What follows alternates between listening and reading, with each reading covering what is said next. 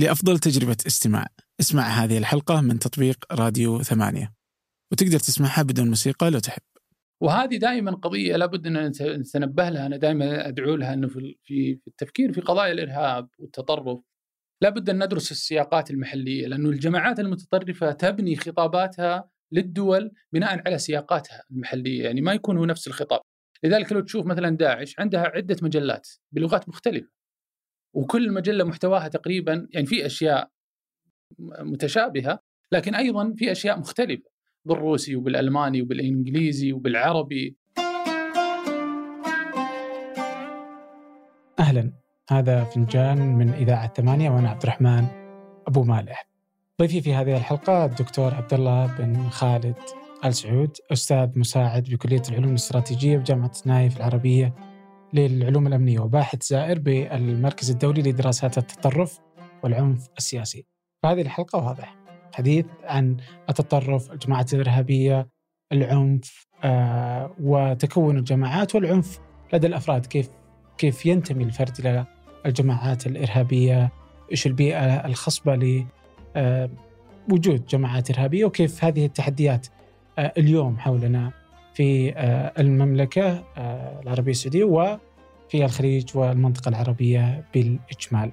قبل أن نبدأ أود منكم مشاركة الحلقة مع من تعتقد أنها تهم. وكذلك آه، لا تنسوا متابعة ثمانية على شبكات التواصل الاجتماعي ثمانية على جميع شبكات التواصل الاجتماعي.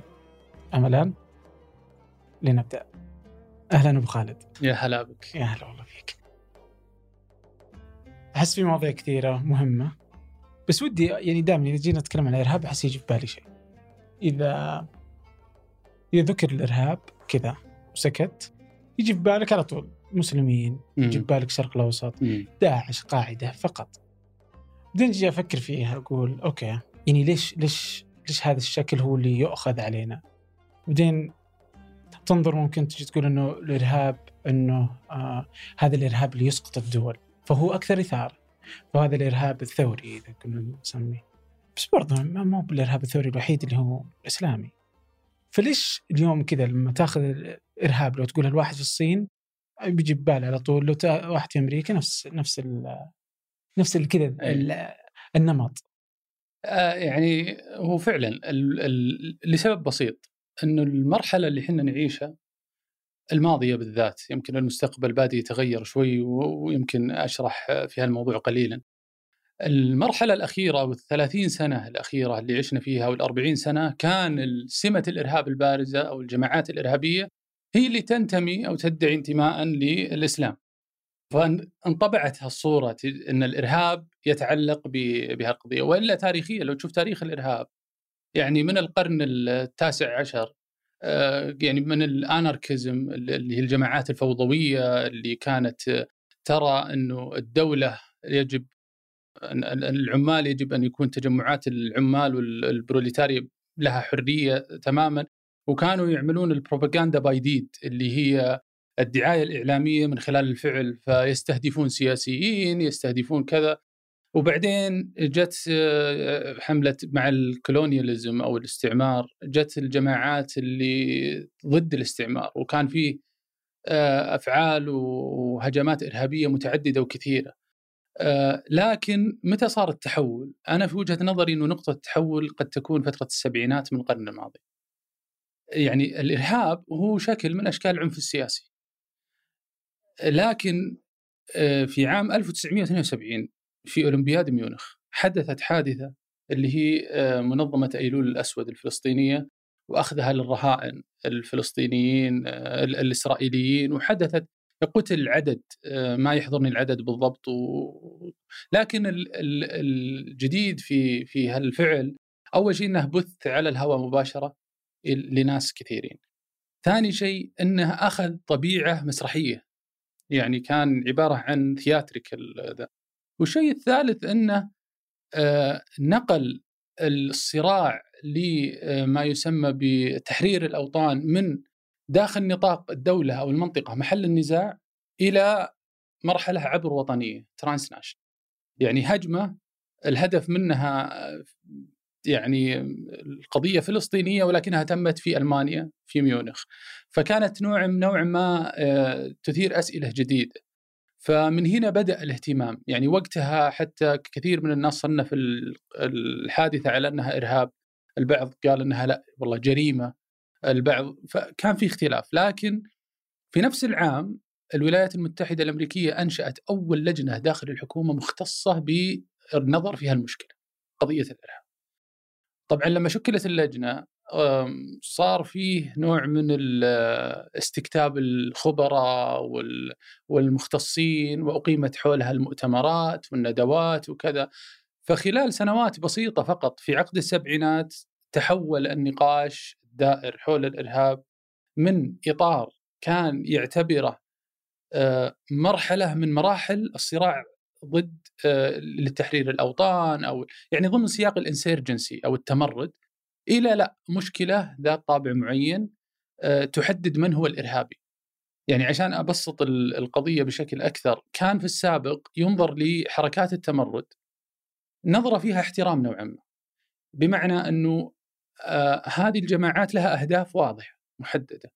ولديها مظالم أيضا محددة. قد تكون مشروعة وقد تكون غير مشروعة. قد تتفق معها وقد لا تتفق معها لكنها واضحة على الأقل. آه، وكان الإرهاب ينظر له كتكتيك. قد تلجأ إليه الجماعات في مرحلة معينة وقد لا تلجأ. في نهاية السبعينات لا اختلف الموضوع. بدأ ينظر الإرهاب على أنه شر محض. يعني آه، لا يجب أصلا حتى تفهم مسبباته. آه يعني كان في الاعتقاد السائد إنه والله خلينا نشوف وش الأسباب اللي مؤدية للإرهاب آه واللي يمكن معالجتها. بدأ تشكيك إنه هل فعلا نستطيع لأنه هذا يعني يفعله شخص ايفل فلا يمكن فهمه. أيضا انتقل النقاش حول إنه الإرهاب قد يتم من خلال مجموعة من المنظمات من بينها الدول إلى لا، الإرهاب يتم من خلال آه، فاعلين من غير الدول فقط وهنا جدت مشكلة إنه لو تلاحظ الآن يعني في نقاش كثير إنه هل إرهاب الدولة يعني يعتبر إرهاب ولا لا؟ دائما إحنا لما نتكلم عن الإرهاب نتكلم عن المنظمات آه، خارج نطاق الدولة خارج نطاق الدولة، طبعا هي القضية الآن صارت هايبرد أكثر انه الدول صارت تدعم آه، كثير من هالجماعات. ولكن هذا هو طبعا بعد ما انتهت مرحلة الاستعمار آه، دخلنا في دوامة الإرهاب المعاصر اللي اللي ينسب للإسلام وأنا في رأيي إنه عام 79 كان عام محوري في هالجانب. يعني صارت فيه حادثتين كبيرة ومهمة أثرت. الثورة اللي حدثت في إيران ثورة الخميني والاتحاد السوفيتي وغزوة لأفغانستان. طبعا هذا على النطاق الإقليمي والعالمي لكن أنت عندك أيضا داخل المملكة حدثت حادثة مهمة اللي هي جهيمان والحرم كلها كانت في نفس العام في عام 79 فبالتالي صعدت الكثير من يعني هذه هذه الأحداث تضامنت فيما بعضها وخلقت نوع من آه، المومنتم لهالأفكار إنها تتطور وتتشكل يعني لو أخذنا مثلا في في الثمانينات طبعا سبق ذلك الحقيقة أنا ما نقول إنه هذا هو الأساس، سبق ذلك تنظير لبعض المنسوبين اللي ما يسمى بالإسلام السياسي. يعني أخطر المنظرين في في في وجهة نظري كان سيد قطب. طيب سيد قطب من من أهم الأفكار الجديدة اللي أتى فيها وهي ما هي جديدة هو حقيقة أخذها من مفكر في في شبه القارة الهندية أبو الأعلى المودودي لكن هو عربها آه، قضية الحاكمية وقضية الجاهلية أنه المجتمع جاهلي أصبح قضية الحاكمية يعني اللي يقصد فيها الحكم بغير ما أنزل الله وأن الأنظمة هذه لا تحكم بناء على الشريعة وبالتالي يعني هي طبعا سيد قطب قد يقول قال أنه ما وصل للتكفير يعني هو فقط حط مشى فيه كلا آخر نقطة ووقف لكن جاء بعده هذا يقول لك كيف سلسلة هي مترابطة وكل سلسلة تأتي أكثر تشددا وتطرفا من السلسلة اللي قبلها. آه، في عام 80 طبعا تنظير سيد قطب في الستينات أو في الخمسينات. في عام 80 جاء محمد عبد السلام فرج من جماعة الجهاد في مصر. وكتب كتاب مهم جدا لما تقرأ تاريخ هذا الفكر اللي هو الفريضة الغائبة الجهاد. و... و... وأخذ أفكار سيد قطب يعني هذا في الثمانينات؟ في عام 1980 80 آه وصل فيها إلى منتهاها المنطقي. يعني قال إنه آه هذه الحكومات اللي الآن في العالم الإسلامي والعربي لا تحكم بما أنزل الله والقوانين الوضعية شرك وبالتالي هي كافرة. والعدو الأدنى أهم محاربته من العدو العدو القريب أهم محاربته من العدو البعيد. طبعا العدو القريب يقصد من يقصد فيه الحكومات الحكومات العربي البعيد من؟ الغرب واسرائيل وكذا. أوكي. فطبعا بعدها بفترة بسيطة حدثت حادثه اغتيال آه، الرئيس المصري أنور السادات وكانت يعني بناء على هالتنظير وهالفكر. طبعا هنا بس هذه موضوع ثاني بس الشيء بالشيء يذكر. بعد ثورة إيران ثورة الخميني طبعا هم احتفلوا بخالد الاسلمبولي اللي يقاتل السادات. حطوا طوابع بريدية باسمه سموا شارع في طهران باسمه. فهذا يدلك على التقاطع حتى على الرغم من الاختلاف المذهبي بين الجماعات المتطرفة. لكن نرجع لهالقضية. طبعا بعد محمد عبد السلام فرج جت سلسلة أخرى اللي هي آه، أبو محمد المقدسي. ابو محمد المقدسي آه، أردني من أصل فلسطيني. وفي الثمانينات خصوصا في 89 84 و89 كان له كتابين ملة إبراهيم و آه، كتاب آخر كان يستهدف فيه الداخل السعودي. آه، وأيضا يعني سلح هذا هذا المفهوم مفهوم الحكم بغير ما أنزل الله حتى مفهوم الولاء والبراء. أخذه وأعطاه طابع هجومي. طبعا هنا يجي واحد يقول إنه هذا المفهوم قديم سابق يعني أنت ليش تنسبه؟ فعلا يعني حتى إحنا لما نجي لتراث تراثنا إحنا هنا يعني تراث الدعوة وتاريخ الشيخ محمد الوهاب وما بعده كان فيه من بعض آه، في بعض مراحل تاريخ الدعوة خصوصا المراحل اللي كان فيها آه، عدم استقرار سياسي وكان فيها حروب بين الدولة السعودية والدولة خصوصا في الدولة السعودية الثانية. ظهرت بعض الآراء المتطرفة خصوصا فيما يتعلق بالولاء والبراء تحديدا آه، يعني إذا كنا بنشير حتى لكتاب الشيخ حمد بن عتيق آه، لكن كان استخدامه لها استخدام دفاعي بمعنى أنه آه، نبي نحصن هذا المجتمع المؤمن ضد الشرك. اللي سواه أبو محمد المقدسي إنه ربط هذا المفهوم بقضية التوحيد وبقضية الشرك. بمعنى إنه الآن كانت الأصنام اللي تعبد في السابق أصنام عبارة عن هياكل حجريه وكذا الآن الأصنام اللي تعبد هي هذه القوانين وهؤلاء المشرعين وهذه الأنظمة الوضعية اللي وضعوها الحكام فبالتالي سلح هذا المفهوم واعطاه طابع هجومي للدفع بأجنداتهم آه، المتطرفة. تجي للتسعينات أو للألفية بداية الألفية كان أحد طلبة آه، أو المقربين جدا من أبو محمد المقدسي أبو مصعب الزرقاوي اللي كان آه، يقود يعني هو ربما الأب الروحي فعلا لداعش الآن وتمرد في فترة من الفترات على أبو محمد المقدسي وخرج بأفكار أكثر تشددا وأكثر تطرفا.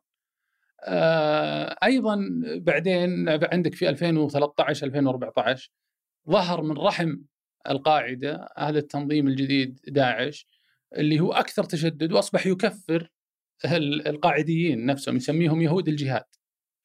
داخل الداعش داخل داعش صار فيه جماعات تكفر بعضها وتحارب بعضها فدائما سبحان الله التطرف هي سلسلة كل سلسلة أكثر تشددا وتطرفا آه، من قبلها. لكن حتى أعود للسؤال حقك أنا معلش استطردت شوي. بالعكس آه، قضية ربطة بالإسلام وكذا هي هي مراحل. يعني زي ما قلت لك في السابق آه، الإرهاب كان من ال far right واليسار المتطرف واليمين المتطرف وأيديولوجيات فاشية وايديولوجيا يعني إحنا لما نشوف مثلا ال KKK لما نشوف النازية الفاشية في إيطاليا. آه، وأيضا في المستقبل الآن إحنا في صعود في الغرب آه، لليمين المتطرف وأفكاره اللي آه، حفزت فعلا أعمال إرهابية على أرض الواقع.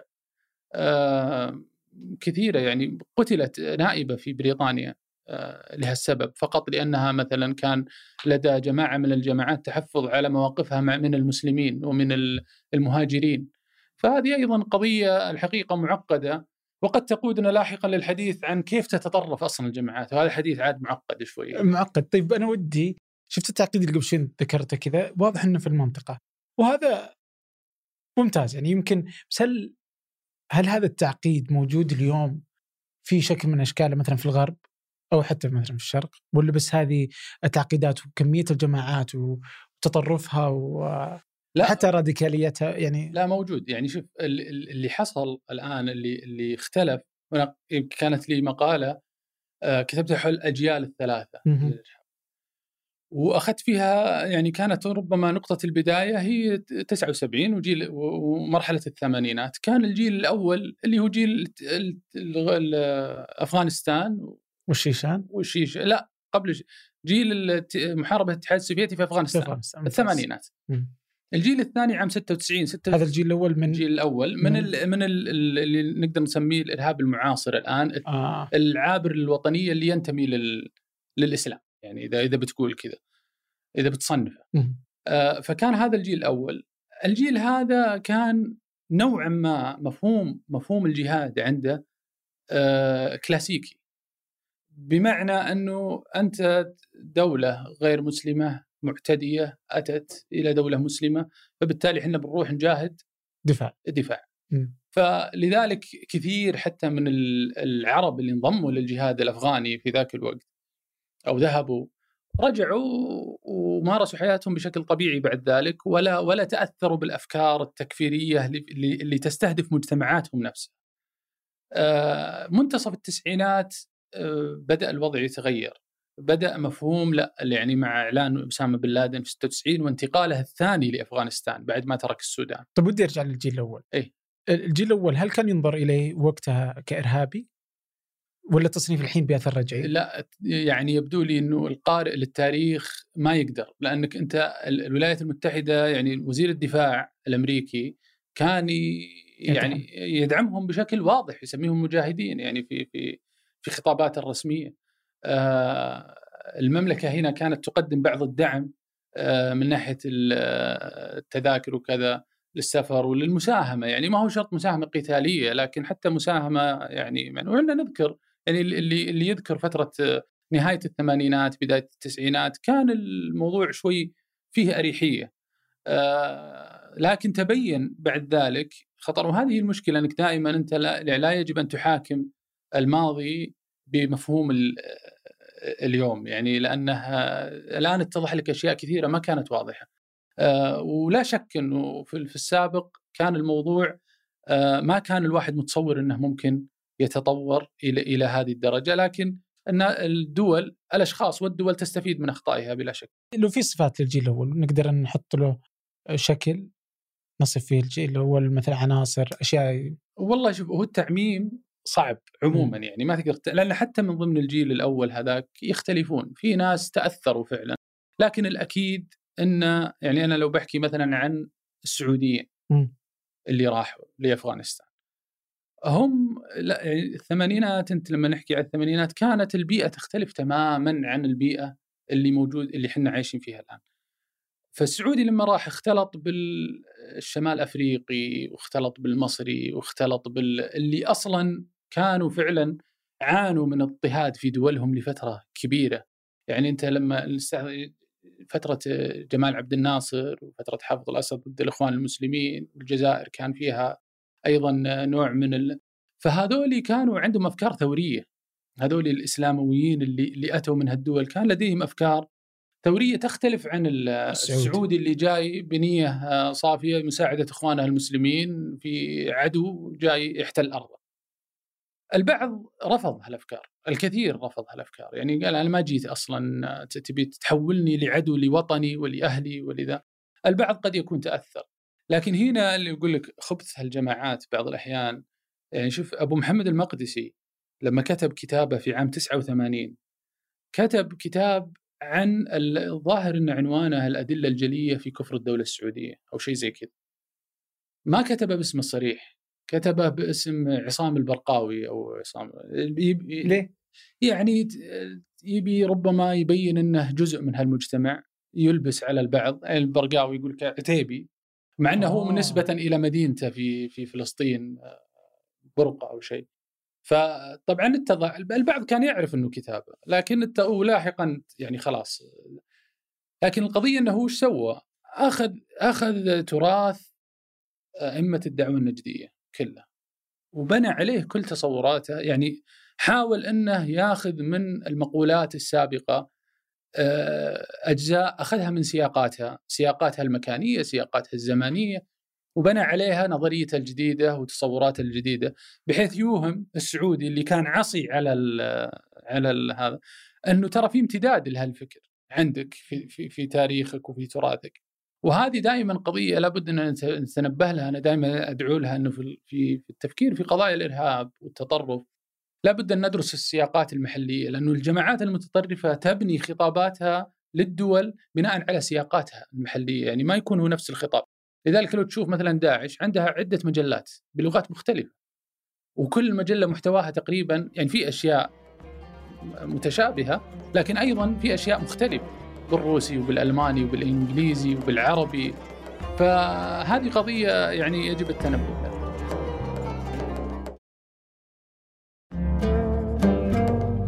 طيب نروح للجيل الثاني. فالجيل الثاني اللي كان 96, 96. تقريبا. آه بدأ الفكر لا ياخذ إنه الاستهداف للدول نفسها العربية والمسلمة وأصبح هناك تكفير واضح لهال. يعني بدأ يصير المفهوم آه ما هو كلاسيكي سهل أصبح يثير خلاف يثير خلاف كبير. طبعا آه يعني ظهرت القاعدة بشكلها. وأعلنت عدائها الصريح ل...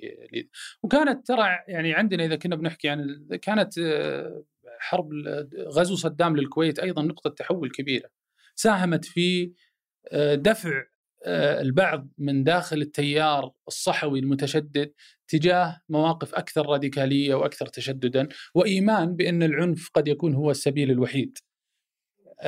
طبعا بعدين جت عاد أحداث سبتمبر 2001 وصبغت وبعدين الحرب على الإرهاب وغزو أفغانستان غزو العراق وهذه كلها كانت بالذات غزو العراق يعني فتح باب من ال من ال الآثار السيئة المترتبة للعراق نفسها وللمنطقة وللإقليم.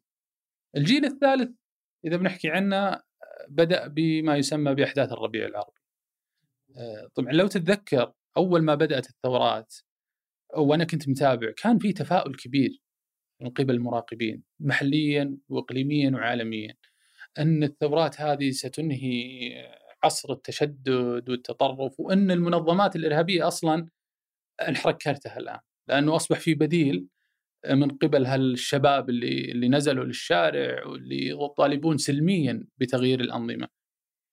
أنا ما كنت متفائل لكن اللي اتضح وبشكل سريع إنه الجماعات الإرهابية مو بس استفادت صارت أكثر قوة واستطاعت إنها تجند بشكل أكثر آه، وضوح وظهرت جماعات لم تكن أصلا موجودة آه، في السابق يعني طب بس وش اللي وش اللي كنت تشوفه وخلاك ما تتفائل وقتها؟ يعني أنا أعتقد إنه وهذه ذكرها أحد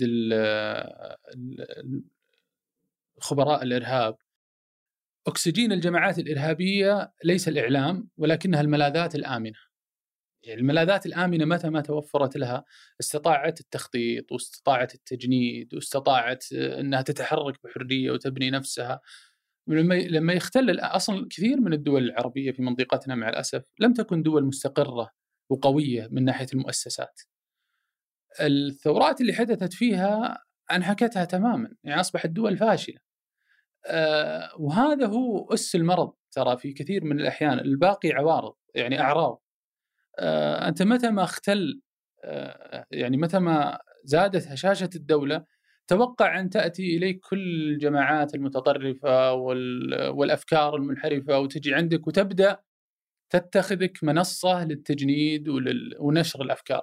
فأنا هذا كان يعني التوقع اللي عندي إنه هل هذه الثورات ستؤدي إلى حال أفضل مما كان عليه ولا ستؤدي إلى اختلال الأمن وانعدام؟ بغض النظر عن الأفكار يعني أكيد إنه لا شك إنه كثير من ال ال الأوضاع اللي كانت في كثير من الدول العربية وقتها سيئة وكانت تستدعي التغيير آه وكلنا ندرك ذلك.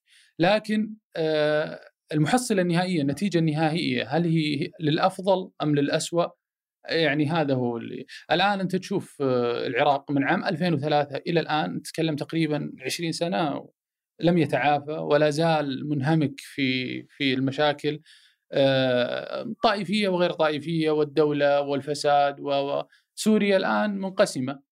يعني ربع ربع الدولة تحت سيطرة قوات سوريا الديمقراطية واللي أغلبها أكراد بدعم أمريكي.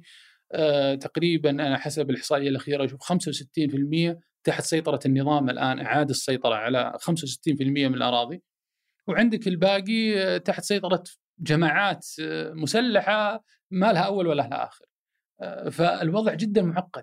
يعني أنت في بلد مثل هذه وشلون وشلون يعني تبي آه، الأمور تستقر؟ وحنا كنا نقول في أفغانستان يعني في الثمانينات شوف أفغانستان وين؟ ومع ذلك آثارها وترتباتها لحقت العالم كله. طيب سوريا تراها قريبة مننا يعني أقرب. فأنت وش الآثار المتوقعة لانعدام الأمن في المنطقة اللي حولك؟ لذلك أنا أقول إنه في هالعالم اللي إحنا نعيشه اليوم صعب إنك تغلق حدودك وتقول أنا بأمن نفسي. وأنا خلاص آه، أنهيت هذا الخطر. التهديدات عابرة للحدود ولا تعترف بها. آه، السعودية كل ما ظهر رأس الإرهاب أخمدته عندنا ولله الحمد. في 2003 لما جت القاعدة بحملتها نجحت القوات الأبدية إنها تدفع هذا الخطر وراحوا لقوا وين ملجأ آمن في اليمن. لأنها دولة ما كانت مستقرة، دولة يعني هشة. آه نفس الشيء داعش لما حاولت في 2014 2015 و2016 قامت ببعض العمليات في السعودية آه استطاعت القوات الأمنية وال يعني القوة الصلبة في إنهائها. لكن ما دام هالبؤر حولك آه يعني النظرة المستقبلية صعب إنها تكون متفائلة جدا. أنا في وجهة نظري. وش اللي خايف منه؟ آه، استمرار هذه البؤر في جذب المجندين والتعاطف معها يعني سيستمر طالما أنها لم تستقر. يعني إحنا خل خلينا نتكلم على موضوع آه، أنا بحاول إني أعطي أمثلة عليه لكن هذا قضية مهمة جدا. الآن لما نحكي على عملية التطرف في فرق بين تطرف الجماعة وتطرف الفرد. غالبا مو بغالبا يعني 99.9% تطرف الجماعة سابق لتطرف الفرد. يعني لابد إن يكون في جماعة ذات هوية محددة متطرفة عشان الفرد ينتمي إليها يتطرف إليها بأفكاره.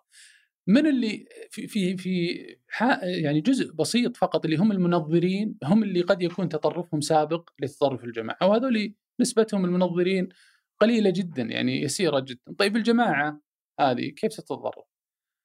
يعني في أربع عمليات لتطرف الجماعة، أول شيء بناء الهوية، بناء الهوية الداخلية، أنا يا هالجماعة المتطرف وش هويتي؟ الهوية تتكون من ثلاث أشياء، معتقدات، قيم مشتركة، مفاهيم مشتركة، خصائص معينة، الخصائص هذه قد تكون شكلية، يعني مثلا عصابة رأس، آه، لحية طويلة، آه، ثوب قصير، إحنا إحنا ما نحكي الآن جماعة متطرفة، إحنا نحكي جماعة هوية. آه، قد تكون آه، خصائص عقلية مثلا ذكاء آه، قد تكون خصائص روحية ورع تقوى وبعدين يجي دور الأفعال. هنا اللي يسمونها ناريتيف كونستراكشن بناء السياق. لأنك تجي تحكي الجماعة هذه تقول إحنا تاريخنا كذا تبدأ تضع تصور معين لتاريخ هذه الجماعة وش المفروض إنها تتصرف في الوقت الحالي وإيش قدرها في المستقبل. وش المفروض إنها تكون أو تصل إليه. فكل ما كانت هذه الخصائص أوضح أو هذه المكونات أوضح كل ما زاد ترابط هذه الجماعة ووضوح. طبعا هذا بحد ذاته ما يخليك متطرف ابدا، لازم يرافقه بناء هوية آخر للجماعة المضادة، الجماعة الخارجة، أنت الحين هذه جماعتك. وش الجماعة وش وش خصائص الجماعة الثانية؟ هنا المكونات لبناء هذه الهوية تكون أقل موثوقية من المكونات لبناء جماعتك، لأن جماعتك أنت تعيش مكوناتها وتعرفها، تعرف وش الأفعال، تعرف وش الخصائص. بس هناك أنت تعتمد على الحقائق والمختلق. المختلق، يعني بين أشياء صحيحة وأشياء غير صحيحة. فكل ما زادت المكونات السلبية للجماعة الخارجة كل ما زاد تطرف هذه الجماعة أو في رؤيتها. لكن أيضا هنا يجي سؤال ثاني، إحنا كلنا عندنا مجموعة من الانتماءات. أنا سعودي عربي مسلم هلالي نصراوي يعني عندي مجموعة دوائر من الاجت... ال... ال... الانتماءات وهذا ما يجعلني طبعا أثبت الدراسات هذه نقطة مهمة أثبت دراسات كثيرة أن الإنسان أصلا بطبعه ميال أنه يشعر بمشاعر سلبية تجاه الجماعة الخارجة المختلف عنه. ليه؟ بطبيعته إلا ما ندر يعني. لكن وش الفرق بين الجماعة المتطرفة والغير متطرفة؟ إن المتطرفة ترى إن حتمية الصراع مع الجماعة الخارجة لابد منها. وتعقلن هذا الصراع يعني تشرعنه تضع له سياق. يعني أنا مثلا قد يكون عندي مشاعر سلبية تجاه المختلف لكني ما أشوف إنه لازم أتصارع معه. المتطرف لا. المسألة بالنسبة له صفرية. يعني أنا شرعيتي ونجاحي يعتمد على القيام بأعمال عدائية تجاه الجماعة تلك. فبالتالي هو يبني أزمة. يقول إن إحنا عندنا أزمة. هذه الجماعة تستهدفنا. طيب الأزمة هذه إيش يبي لها؟ يبي لها حلول. الحل وش؟ يجيك يقول لك والله الحل الجهاد. لازم لازم إنك ت... مثلا يعني قد يكون جهاد وقد يكون في بعض الجماعات اللي ما تؤمن بالعنف يقول لك أهم شيء إحنا نستهدفها لفظ كلامي آه، تفرقة. بعض الجماعات العنصرية يقول لك خاص تفرقة عنصرية. هذا هذا الفعل العدائي تجاه هذه الجماعة. فيعني يندرج وتشدد الجماعة على على سبكتروم على نطاق يذهب لليمين ما كل ما تشدد الحل أو نوعية الحل ولليسار كل ما خف آه هذا الشيء. مع هذه على مستوى الجماعة. السؤال اللي استعصى على كثير من الباحثين طيب وش اللي يخلي الفرد يتطرف؟ يعني إذا هذه هذه عرفنا كيف الجماعة نفسها تبني لها هوية تبني هوية داخلة اللي هي جماعتها وتبني هوية خارجة وتضع سياق للأزمة وتوفر الحل. الفرد وشلون يتطرف؟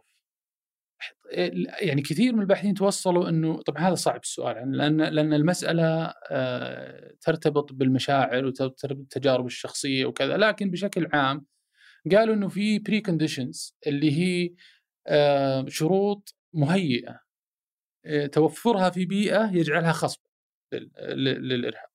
هذه مثل عدم سيادة القانون في مجتمع ما، الشعور بعدم آه، العدالة الاجتماعية، شوف لاحظ كلمة الشعور لأن هي نسبية. يعني قد يكون هناك عدالة اجتماعية لكن هذا الشخص يشعر إنه ما في، فلذلك هنا يجي قضية الحرمان النسبي. الحرمان النسبي إنك أنت قد يكون عندك كل شيء لكن آه، يعني آه، اللي تفترضه لنفسك أعلى، فبالتالي أنت تشعر إنك محروم، وأنت في الحقيقة ما أنت محروم لكن أنت ترى أنك تقارن نفسك ب فهذه هذه البري كونديشنز لكن عندك أيضا أشياء لا ذات صلة مباشرة بالشخص اللي تدفع باتجاه صعود آه، الإرهاب في مجتمعنا. وهذه أيضا انقسمت إلى macro level و micro level يعني على مستوى ال macro على مستوى المجتمع أو الدولة أو العالم. والمايكرو على مستوى الفرد. الاولى مثل إيش؟ حرب أهلية مثلا حصلت في في بلد. هذه تزعزع آه، الشخص وتعطيه يعني تعطيه disrupt أو ال status quo أو الوضع الحالي اللي هو فيه. قد يكون موجات هجرة مثل اللي إحنا نشوفه في أوروبا الآن. موجات الهجرة اللي جتهم لبعض المجتمعات خلقت عندهم ردة فعل لأن هي خاف على مكتسباته. مكتسباته اللي عنده ومكتسبات على المستوى الشخصي قد تكون مثلا وفاة قريب فقدان عمل الهزات اللي تأتي للشخص. وكل ما كان هذا الحدث آه، يعني يهز الشخص أكثر لدرجة إنه ما يجد حل سهل أمامه يلجأ أو تزيد احتمالية تطرفه، ليه؟ لأن الجماعات المتطرفة كما ذكرنا من خلال بنائها للهويه توفر له اليقين، هو الآن في حالة عدم يقين، في حالة ارتياب تجاه هالأوضاع وهالأشياء اللي اللي حاصلة. فهذه توفر له يقين تقول له تعال شوف حدود جماعتنا كذا المشكلة كذا والحل واحد اثنين ثلاثة. سهل. فبالنسبة له تعطيه إجابات على أسئلة وعلى ومع ذلك كثير من الناس اللي يمرون بهالأشياء لا يتطرف يعني ما هو بكل واحد يمر بهال تتوفر في بيئته ال preconditions ويصير له مثلا على المستوى الشخصي أو على مستوى الدولة أو على مستوى الإقليم إنه ينتهي بهالحال إرهابي أو متطرف ما هو بصحيح لذلك القضية صعبة. طيب أنا ودي هنا إذا بنكمل على مثلا الأفراد. م. بنفهم إن الجماعات ممكن نرجع لها بعد شوي. كيف تنشأ الجماعات المتطرف. لكن الأفراد المتطرفين في في دراستك اللي كانت السعوديون في داعش آه واللي كانت من الوثائق السرية اللي طلعت. نعم.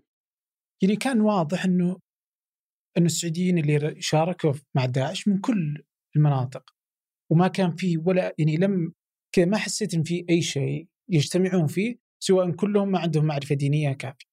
بس يعني ما في يعني لهم العطالة هي اللي سببت ولا فقدان الأمن هو اللي سبب ولا فكيف هنا كيف الشباب السعودي كيف كيف طلع؟ فإذا أخذناه هو فرد راح يبغى ينتمي إلى جماعة متطرفة. وش الدوافع اللي خلت فرد يطلع؟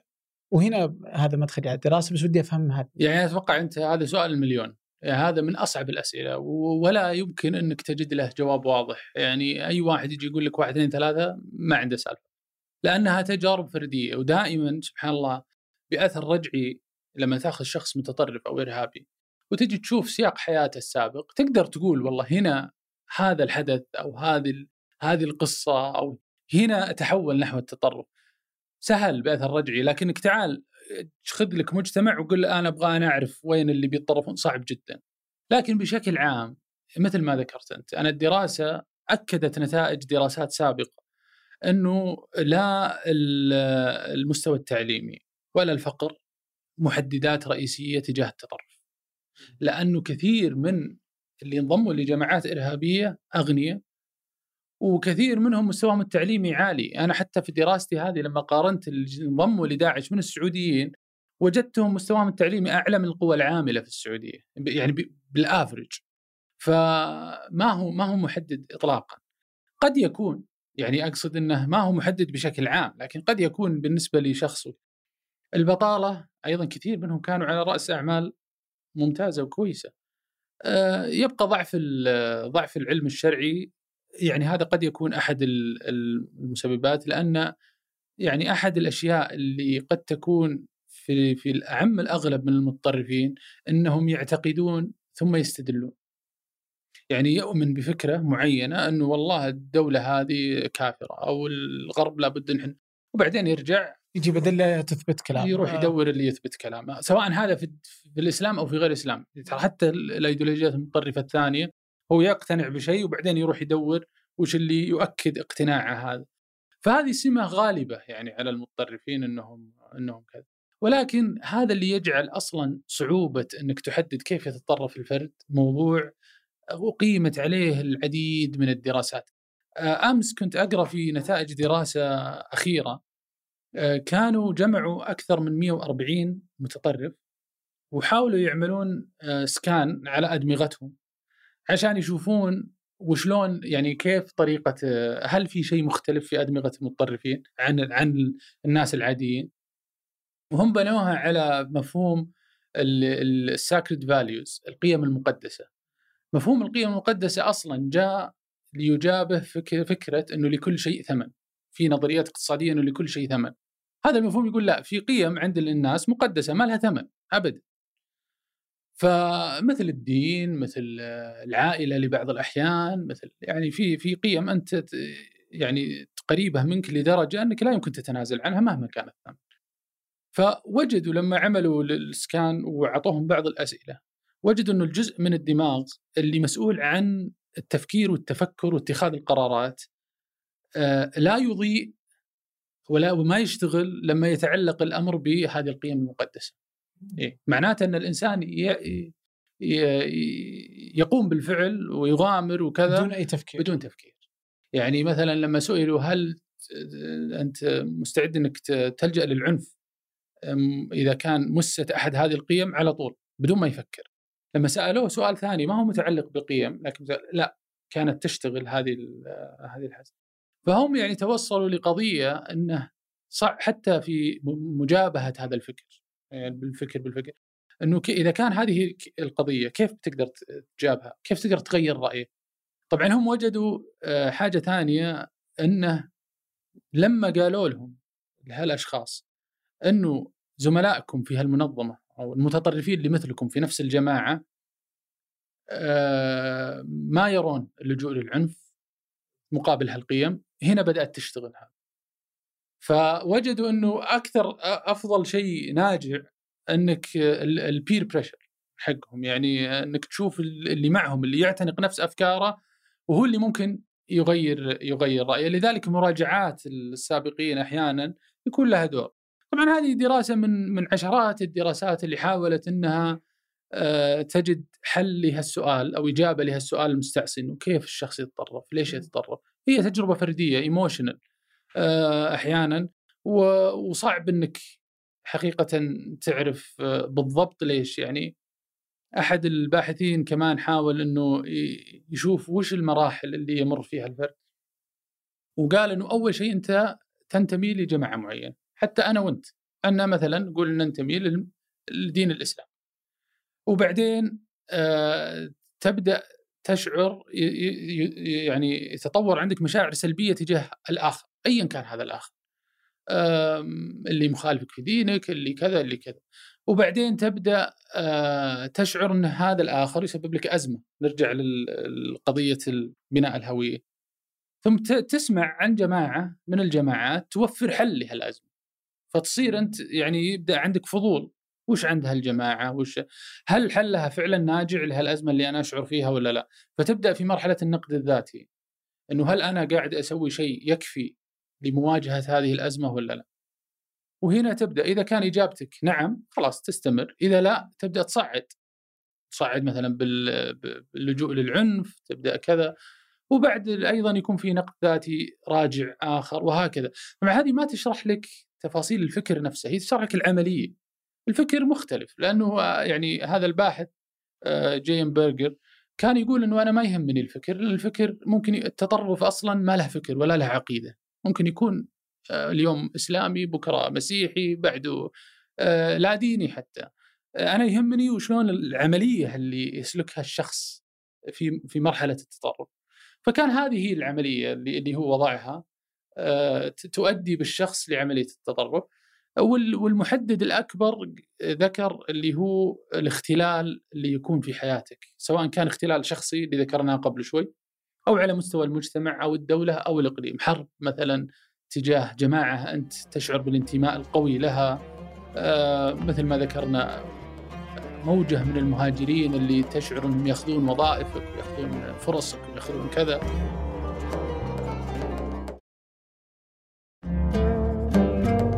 طيب آه، قبل شوي على سالفة اللي إنه الفرد غير قابل لتغيير قناعاته أو قيمه وإنه خلاص ما تشغل مخه هل في دراسة أو عن اللي الإرهابيين في السعودية بعد آه، عمليات الإصلاح واللي خرجوا من السجن تغير شيء آه، نسبة اللي عادوا إلى منظمات إرهابية، نسبة اللي رجعوا للمجتمع طبيعي. والله أنا في في دراسات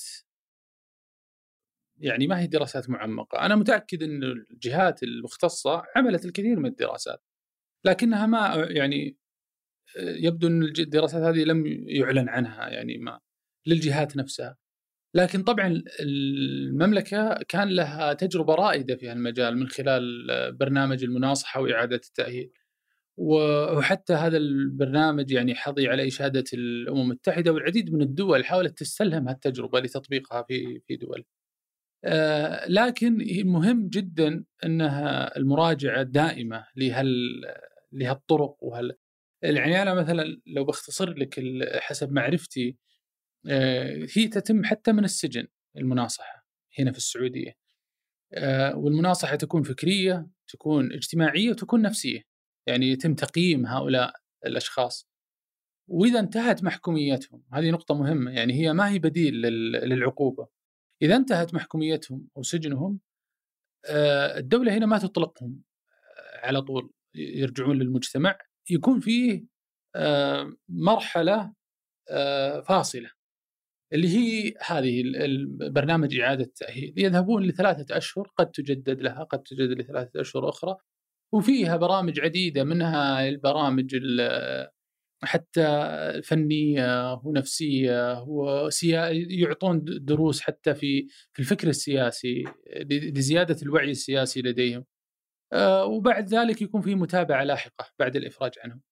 الآن حسب الإحصائية اللي كانت عندي آخر إنه تقريبا 2 82% ان لم اكن مخطئ آه، من الأشخاص اللي مروا بها بهالتجربه آه، اندمجوا في المجتمع كأشخاص طبيعيين و... طبعا هذه تترك نسبة ما هي بسيطة لأشخاص تخرجوا من هالتجربة ورجعوا. لكن هذا أيضا يعني حدث في دول عديدة. يعني كثير من الدول اللي الآن الهجمات الإرهابية الأخيرة اللي حصلت في بريطانيا وفي وفي فرنسا وبلجيكا وغيرها كانوا من الأشخاص اللي منهم سبق سجن واللي منهم كذا وأفرج عنه على أساس إنه خلاص يعني تغيرت أفكاره كذا. فهذه نقطة جدا صعب إنك تعرفها لأنه حتى الجماعات الإرهابية الآن أصبحت تحرص على إنها تعلم أتباعها إنه إذا مثلا مسكت حاول إنك تبين إنك خلاص إيه تغيرت أفكارك وبعدين ممكن إن هنا كان في قضية لشخص جدا آه، في عام 2006 كان مع الزرقاوي مع جماعة الزرقاوي وقام بفعل قام بعمليه انتحارية وانحرق كله. فلما انحرق سلموه للسعودية وعالج وعالجته الدولة هنا وتم إعادة يعني تم سجنه وبعد ذلك إعادة تأهيله وافرج عنه. وتبين إنه خلاص يعني تغيرت أفكاره وكذا. وقعد ظهر يعني سنوات سنتين أو ثلاث سنوات وبعدين في 2013 فجأة ظهر مرة اختفى من أهله من بيت أهله وظهر في سوريا يبايع داعش. فهي القضية يعني جدا معقدة إنك تعرف كيف هل فعلا نجحت في تغيير فكر شخص أو لا طيب آه، نشوء الجماعات يعني يتغير م. و وانت ذكرت كذا أكثر من شكل للجماعات بس إنه ودي أعرف أصلا شلون تنشأ الجماعة؟ شلون تشكل لنفسها هوية وشلون تبدأ تصنف نفسها جماعة؟ يعني هو نفس تقريبا اللي ذكرناه قبل قليل، الجماعة أول شيء لابد إنها تضع لنفسها سياق قصصي، منح. يعني لابد إنها تشرح وتضع حدود واضحة وفواصل واضحة بينها. وكل ما زاد تطرف الجماعة كل ما كانت الحدود آه يعني اكسكلوسيف يعني غير قابلة لل فلا بد إنها تحدد خصائصها. وهويتها وقصتها تاريخها وقدرها في المستقبل. عادي جيد إنه يكون للمجتمع وجود جماعات كثيرة ليس بالضروره كل جماعة متطرفه لكن كذا يجي ببالي إنه هنا مثلا في السعودية أحس في جماعات كثيرة. في يعني الجماعة إذا أخذنا القبيلة لها شكل لها هوية لها بعدين تلقى القبيلة مع المنطقة بعدين. القبيلة مع المنطقة مع ما ادري شلون. بعدين الحين المدينة ممكن حتى مع المدن. بعدين تاخذ السعودية فتلقى صح. الواحد الهويات اي هويات متقاطعة كثيرة هل هذه أصلا تشكل مشكلة على الأمن القومي؟ لا غالب الناس أصلا غالب الناس عندهم دوائر متداخلة من الهويات من الصغرى إلى الكبرى. هو الفرق الخطورة وين؟ إنك إذا جت هوية واحدة من هالهويات أخذت طابع بارز بشكل حدي وأصبحت تعتقد إن الصراع بينها وبين الهويات الأخرى أو الخارجة ضروري. طر... لكن إنك أنت ممكن يكون عندك عدة هويات تكمل بعض ما فيها مشكلة. وحتى الآخر اللي تختلف عنه تتعايش معه يعني لا وهذا أغلب الناس على فكرة. هي قلة قليلة من الناس اللي تعتقد بحتمية الصراع مع الآخر وتبدأ تشرعن وتعقلن هذا الصراع يعني من خلال ال narrative construction أو بناء القصصي لها إنه هذا هو السبيل الوحيد لخلاص هذه الجماعة أو لنجاح هذه الجماعة أو لشرعية هذه الجماعة إني أعادي الجماعة الأخرى من خلال أعمال عدائية معينة سواء يعني وصلت للعنف أو لا. بس مثلا حتى اللي هي صارت القومية الوطنية. إي واضحة جدا اليوم على العالم كله. صح. هذا الشكل يعني في ناس تقدر تشوف إنه إيجابي. عشان كذا جاء سؤالي. فهل كيف تشوف هذا هل هذا برضو لأنه فيه تحدي؟ أنا والاخر صح. والآخر يجب أن ينتهي. صح. انت جبتها يعني هي إيجابية. يعني هذه طبعا الشعور بالوطنية شعور إيجابي. يعني يفترض إنه كل شخص يشعر بالوطنية. هي متى متى تتحول؟ أنا في وجهة نظري لقضية خطيرة عندما تستهدف الداخل. يعني شعورك بالوطنية يفترض إنه يكون عامل يحفزك لبناء مجتمعك وللنهوض فيه. ولتحسين سمعته بناءه بناءه والنهوض فيه لكن متى ما تحولت إلى أداة تستهدف فيها نسيجك الاجتماعي الداخلي هنا نبدأ نتوقف. آه، وهذه قضية مهمة يعني. أنت وش الجامع بينك وبين مكونات المجتمع اللي اللي أنت تعيش معها؟ يفترض أن الجامع هذه الهوية اللي اللي تجمعكم. فإذا لا تحاكمني على الهويات الصغرى. يعني البعض يستخدم هذه وبعدين في قضية أخرى لكن مثل ما ذكرت هي عموما تراها ترند عالمي. يعني الرئيس ترامب آه، بدأ في قضيه يعني شعاره كان America first هي وفي أوروبا بريكزيت آه، كان يعني أحد تجليات هذا التيار. فهو يعني في العالم كله ومنطقتنا يعني أحد المناطق. وأنا أشوف إنه يفت يعني فيه جانب إيجابي كبير. ويفترض إنه يعزز ولكن زي ما ذكرت لك يعزز لبناء هذا المجتمع ولتطوير هذا المجتمع و آه، لاحتضان جميع أفراده. بدلا من إن إحنا نبدأ في قضية تخوين بعض والهجوم على بعض و... وأنت لا تمثلنا و... وأنت تمثلنا و... وفتح الملفات ال... يعني هي في النهاية أنا أشوف إنه قضية آه، حتى لو رجعنا لتاريخ الدولة السعودية الثالثة. المؤسس رحمة الله عليه الملك عبد العزيز كانوا كثير من مستشارينه حتى ما هم سعوديين وقتها وكانوا من مشارب مختلفة يعني قبل لا يأتون ومع ذلك ساهموا مساهمة فعالة في تأسيس هذا الوطن بالشور وبالرأي مع مع الملك عبد العزيز رحمة الله عليه. واصبحوا من نسيج المجتمع واصبحوا من نسيج المجتمع طبعا. كثير من الأشخاص يعني أنا أنا المحدد اللي يجمع بيني وبيني بيني وبينك وبين أي شخص هذه الجنسية اللي إحنا نحملها السعوديين كلنا. فالتفرقة بعد ذلك بناء على أشياء أخرى هنا يبدأ الضرب في هذا النسيج. وهذا أنا أخشى أنه إذا استمر وتطور أنه فعلا يسبب آه، زي ما قلنا هويات صغرى. يعني إحنا كيف بناء الهوية؟ وش خصائصنا؟ إحنا إحنا خصائصنا كذا كذا تختلف ترى عن ذاك مع إنه سعودي بس تختلف. ان عندنا محددات آه، تختلف وعندنا كذا. وبعدين أبدأ أبني هوية أخرى ثانية لهذا الشخص المخالف اللي هو أصلا شريكي في الوطن لكن عنده هويات أخرى. وهنا أبدأ بناء الهوية على فكرة للشخص الخارجي والجماعة الخارجة ما هي منضبطة يعني ما هي موثوقة لأنها تدخل فيها الصح مع الخطأ. دائما وهذا طيب يعني بدون شك إنه بيسبب آه، شرخ في النسيج الاجتماعي إذا تطور. طيب كيف تقرا أنت عالميا هذا التطور في القومية الوطنية المستوى العالم؟ في أنه أنا والآخر وهذه الحدة اللي جالس يوصل لها. يعني هي هذه الحدية بدأت فعلا هي موجودة معنا ترى على فكرة دائما يعني الحدية آه، نحن وهم آه، مثل ما قلت لك هي موجودة عند البشر كلهم لكن بدرجة معينة يعني لا يجب إنها تطغى لدرجة قوية آه، تؤثر على تعايشي مع الآخر سواء هذا الآخر شريكي في الوطن أو حتى المختلف عني تماما. آه، يعني هي بلا شك إنها في صعود. قضية حتى كورونا وأزمة كورونا ما ساعدت، يعني أنا أشوف إنها عززت هذه الاتجاهات. لأنها وضعت حدود بين الدول و... وبدأت تشكك في تشكك الناس في في مدى جدوى العولمه اللي إحنا عايشين فيها وقضية سلاسل الإمداد واعتماد الدول عليها. فهي عززت الاتجاهات الحمائية هذه البروتكشنزم والشعبوية والقوميات المتطرفة. كيف المجتمع كيف العالم رايح؟ ما يعني لا أستطيع إني أجيبك صراحة بثقة الآن لأن ما ندري. هذا يعني هذا العام قد يكون عام استثنائي. ما قد مر. في التاريخ الحديث على العالم كله تحدي مثل هذا. يعني إحنا نجي نشوف العولمة كيف إنها قاعدة تنتقد.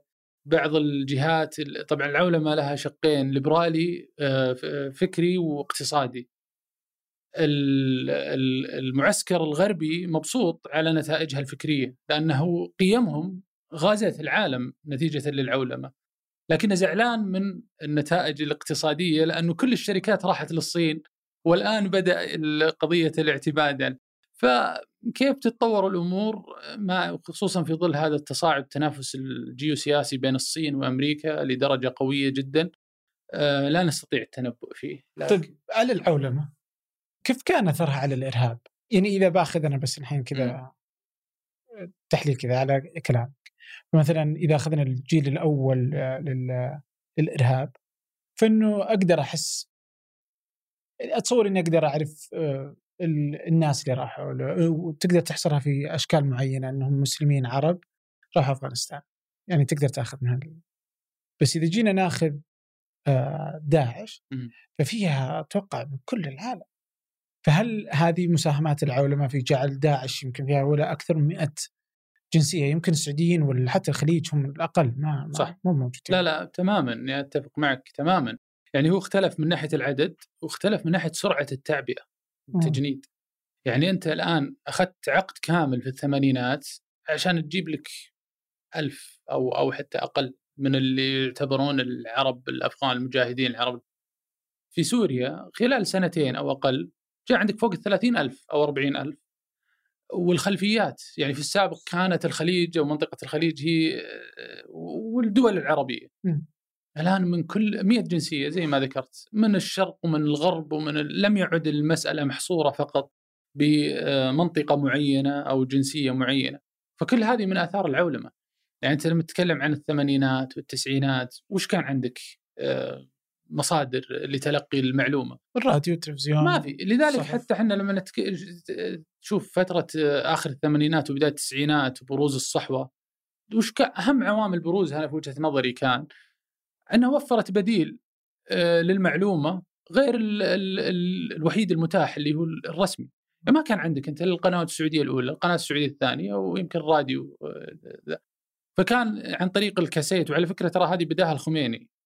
يعني أنا ما أقول إنه في تشابه الفكر لكن ثورة الكاسيت بدأت مع الخميني قبل بعقد من الزمان تقريبا إن صارت ثورة معلوماتية وقتها مثل شبيهة بالإنترنت لاحقا إنه كيف الخطبة تلقى اليوم في نفس الليلة تلقاها في الجنوب وفي الشرقية وفي جدة وفي الرياض وفي ذا وكانت يعني توفر طبعا الآن البيئة اختلفت تماما تماما يعني الآن أنت تبي تبي تحد من أنت ما تبي تدور مصادر معلومات جديدة تبي تقلل من مصادر المعلومات اللي تجيك من كثر الزحمة فأصبح الواحد في أكثر منطقة نائية في المملكة أو في غير المملكة عنده اكسس لكل مصادر المعلومات من الشرق إلى الغرب فلا شك إنه هذه لها إيجابيات ولها سلبيات من من سلبياتها فيما يتعلق بالإرهاب إحنا كنا دائما نقول المختصين في قضايا التطرف إنه من أهم المحددات اللي غالبا غالبا ما تكون موجودة في علم التطرف العلاقات الاجتماعية. يعني نادرا ما يتطرف الشخص في فراغ. يعني بمعنى إنه الحالة فجأة يعتنق يقول لك أنا مضطرب. نادرا نادرا جدا. الأغلب إنه يكون في محيط معارف في كذا. ممكن يكون محيط افتراضي؟ هذا اللي الآن أصبح طبعا. يعني في السابق كان لا. كان لذلك الآن أصبح سرعت المسألة. أول كان لابد إنك يكون يا أصدقاء يا عائلة يا شخص كذا. الآن تستطيع إنك تناقش واحد في سوريا على التليجرام ولا غيره ويصير لك شبكة معارف افتراضيين ويتم تطرفك من خلال هال يعني بهالطريقة. فهي سهلت التواصل بشكل وحنا شفنا بعض الهجمات اللي تمت في أوروبا. كان ال ال الشخص المنفذ على تواصل مع العقل المدبر في سوريا وفي غيرها إلى آخر لحظة. عن طريق شبكات التواصل الاجتماعي وهذا فلا شك ان من هالجانب لها آثار سلبية. طيب وش وش الدراسات مثلا تقول هل في دراسات تتكلم عن طريقة انضمامهم افتراضيا؟ هل هي في أماكن منعزلة نقدر نقول زي تليجرام ولا تطبيقات معينة مو معروفة؟ ولا تكون على الشبكات الاجتماعية زي تويتر وكذا؟ هل تكون في معرفات معروفة ولا معرفات مجهولة؟ وش وش طبيعة ينتقلون. يعني شوفوا الفضاء الفضاء السيبراني فضاء حر. وكل ما برزت مشكلة كل ما حاولت الجهات الرسمية الحكومية وشركات التقنية العالمية حلها. يعني في عام 2013 2014 كان تويتر وفيسبوك منصات رئيسية. للجماعات الإرهابية؟ للجماعات الإرهابية للدفع ب آه، رؤيتها وفكرها والتجنيد وكذا. اللي حصل بعدين إنه الشركات حاولت إنها تضع يعني قوانين للحد من انتشار هذه ويعني و... إغلاق الحسابات وكذا. ونجحت بشكل كبير التعاون مع الحكومات والشركات التقنية في ذلك. طبعا في البداية هي القضية برضو إنك أنت تبي تبي الالجوريثم هذه انها فعلا إي انها لأنك مستحيل بمجهود فردي. آه إنك فعلا تستطيع إنك تراقب كل هذا. الخوارزميات لابد إنك أول شيء عندك لغات متعددة فأنت تستهدفها بأي لغة باللغة العربية باللغة الإنجليزية كل هذا يأخذ وقت. لكن آه، آه، نجحت هذه الشركات والجهات الرسمية في الحد كثير من تواجد هذه الجماعات على هالمنصات. لكن وجدت بديل هالجماعات على طول. يعني راحت للتليجرام. التليجرام صار مرتع خصب لهالجماعات لأنه فيه خاصية تشفير أكبر من من هال ولما واجهت أيضا صعوبة ذهبت لمناطق أخرى لكن أنا أقول هذا بحد ذاته ما هو سلبي هذا شيء إيجابي. كيف؟ يعني أنت لن تستطيع أن تمنع هذه الدعاية وهالجماعات من هذا الفضاء الرحب اللي أصلا لا فيه قواعد ولا في حدود لسيادة الدول ولا في شيء كل الناس متداخلة مع بعض. لكن مهم إنك تدفعها باتجاه المناطق الهامشية الأقل ضوءا. لا. أنت. ف يعني هذا بحد ذاته نجاح. كل ما دفعتها لمواقع شكرا. كل ما دفعتها لمواقع أقل بروز وأقل حضور كل ما كان هذا يعني شيء إيجابي. بس إنه يصير ما تقدر تراقبه ما تقدر تفهم وش يصير. صح؟ يفترض إنك تضع ضغط على شركات التقنية اللي مسؤولة عن هالمراكز المواقع اللي مثلا تشفيرها عالي أو كذا إنها تساهم في هذه مسؤولية مسؤولية وهذه قضية الحقيقة قضية كبيرة ذي يعني مثلا زي آبل اللي هي رافضة تماما هذه المسألة حتى داخل داخل الشأن الأمريكي وهذه تذكر سالفة طبعا. كاليفورنيا وإنها رفضت إنها صح. تفتح الأجهزة وهنا يجي التقاطع بين قضية حرية التعبير وحقوق الإنسان وبين الأمن آه، في المجتمعات إنه كيف تقدر توازن بين هالهاجسين اللي فعلا مهمين للناس. يعني الواحد ما يبي بعد تنتهك خصوصيته بشكل فج. وفي النهاية أنت تبي الدولة والشركات تحميك من من أو تحمي المجتمع من هالأفكار. فهي بالانس هي توازن. طيب أنا ودي الحين أنا مثلا إذا باخذ على زمان وشلون كانوا الواحد ينضم إلى جماعة إرهابية؟ إنه مثلا ممكن يكون راح مكتبة أو مسجد أو في مكان ما وبدأ يتعرف على هذه الجماعة وعلى هذا الفكر. بس قبلها ما كان يعرف شيء. اليوم افتراضيا وين يروح؟ يعني صعب إنك فجأة بطب على تليجرام ولا تطبيق ما نعرفه. أكيد إنك بروح في مكان ما في مجتمع في مجتمع افتراضي قابل إني أدخل لأن الناس تبدأ تكتشفني وتبدأ صح. تستقطبني صح. وين يتم هذا افتراضيا؟ في شكل والله في أحيانا أحيانا يتم علني بس أنت ما تنتبه له. يعني الآن لو تدخل على تويتر مثلا في الساعة الواحدة يمكن مئات الهاشتاجات تنزل. تسوي دعاية لمنتجات فيديو مقاطع صوتية لداعش لكنها تزال بشكل سريع لكنها موجودة. وكل ما آه، يعني موقع لهم ألغي كل ما ظهر موقع ثاني. لكن أنا بضرب لك مثال على قضية غير هذه. يعني في الدراسة اللي أنا سويتها عن السعوديين اللي انضموا لداعش مثل ما ذكرت كانوا جايين من كل مناطق المملكة ال 13 لكن بناء على النسبة والتناسب مع عدد السكان كانت في منطقة القصيم أكثر بأكثر من النصف حتى بأكثر من الضعف من المنطقة التالية لها. بناء على النسبة مش العدد العدد لا كانت منطقة الرياض. بناء على النسبة لعدد السكان. طبعا أنا كان هذا بالنسبة لي آه، مثير لاهتمامي كباحث. قلت بشوف ليش؟ فرجعت. كان فيه آه، مصادر معلومات اثنين لموجات سابقة من السعوديين اللي انضموا للجماعات الإرهابية. في 2006 اللي انضموا للقاعدة في العراق وكانت آه، يعني تم الحصول عليها من وثائق سميت بوثائق سنجار. آه، حصلت عليها القوات الأمريكية في مداهمة. وكان فيها معلومات كثيرة ومن ضمنها سعوديه وفي أحد الباحثين معروف توماس هيغهامر جمع مصادر معلومات لمجموعات من السعوديين من الثمانينات إلى الألفية بدايات الألفية انضموا لجماعه العلم فلما راجعت هذه وجدت إنه المنطقة القصيم اللي جو منها وانضموا ما يشكلون 1% هنا و4% هنا فقط. فالمسألة ما هي بمساله إنه هذه المنطقة تحديدا فيها تطرف. هذه هذا شيء جديد يعني شيء آني شيء مرحلي. فيفترض أنت كباحث هذا يثير عندك أسئلة. وش اللي صار الآن تحديدا خلى آه، مجموعة كبيرة من هالمنطقة تروح؟ دراستك هذه في في حقبة؟ إيش درست كم سنة؟ هذه في في في الفترة الأخيرة داعش. يعني في داعش نتكلم من 2000 و... من 2013 2014 2015 2016 2016 إيه هذه هذه المنطقة. لكن طبعا لم التجنيد صار في 2013 2014 فأنا حرصت إني أشوف وش اللي صار قبله. طبعا اللي صار أنا هنا في قضية مهمة إنك في الأمور اللي زي هذه لا يمكن بتاتا إنك تدعي معرفة كاملة ولا تقول أنا عرفت السبب.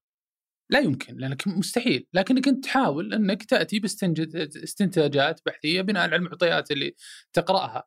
آه، وتقول قد يكون هذا أحد المسببات.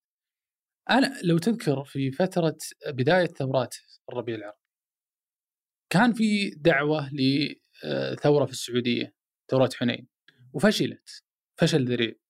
ومن بعدها على طول الجهات الجماعات المتطرفة سواء المتطرفة يعني منضمه للجماعات الإرهابية أو غيره يعني ترى التطرف لفظة عامة يعني قد يكون متطرفة إصلاحية. آه ركبت موجة حملة كانت اسمها فك العاني وقتها في 2012 2011 تركزت في السوشيال ميديا هي في في البداية وانضم لها مجموعة من من التيار يعني عربي الصحوة زمان وكذا. لكنها ركزت آه، تركزت على منطقة القصيم في مظاهراتها وباعتصاماتها وكان في في عام 2013 في مارس على ما أذكر اعتصام كبير سمي باعتصام بريدة. آه، يدور حول قضية المعتقلين والإفراج عن المعتقلين وكذا. طبعا مشكلة الحملات هذه دائما أخطر الحملات أنا في وجهة نظري اللي ترفع شعارات نبيلة شعارات تجعل اللي ما هو عارف خوافي الأمور يتعاطف معها. قضية حقوق الإنسان قضية كذا. لكن ينضم لهذه الحملات دائما جهات أو آه، أشخاص تركب الموجة وتسعى للدفع بأجندات أكثر تطرفا.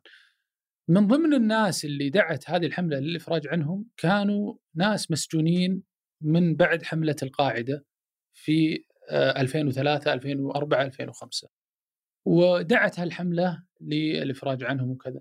فتطرف. طبعا أنا الشاهد في الموضوع وشو؟ أني لما رجعت وجدت أربعة من الأشخاص أربعة من خمسة أسماء كانت هي واجهة ذيك الفترة للحملة من النساء. انضموا فيما بعد لإما القاعدة أو داعش بعضهم حتى ألقي القبض عليه بعدها بسنتين أو ثلاث سنين في الحدود. أيضا ستة أشخاص من اللي شاركوا في المظاهرات والاعتصامات في القصيم تحديدا انتهى بهم المطاف آه، مفجرين في عمليات إرهابية خمسة في السعودية وواحد في الكويت. إذا تتذكر تفجير آه، مسجد الصادق الظاهر أو كذا واحد في القديح وواحد في مسجد طوارئ في عسير واحد كل الخمسة هذول الستة سبق أن شارك اعتقلوا لمدة يوم أو يومين أو ثلاثة بعد مشاركاتهم في اعتصامات آه، فدائما لما يكون فيه سياق آه، يعني يدعو إلى النقمة على الدولة، النقمة على مؤسساتها، أن الدولة والله هذه ظالمة، الدولة هذه تستهدفنا، الدولة هذه لا تطبق آه، وهم لعبوا على وتر النساء، يعني حتى أتذكر كان فيه مقاطع فيديو ذيك الأيام انتشرت لأحد الأشخاص كان عنوانها إلا النساء آه، يا خادم الحرمين أو شيء زي كذا. آه، طبعا من دخل على الموجة أشخاص مثل تركي بن علي، تركي بن علي هذا كان أحد طلبة أبو محمد المقدسي ثم أصبح مفتي داعش. وذكر آه، في في 2013 نشر فيديو موجود على اليوتيوب بعنوان حرائر بريدة أو شيء زي كذا، هو ما له علاقة يعني هو في سوريا وبحريني في سوريا.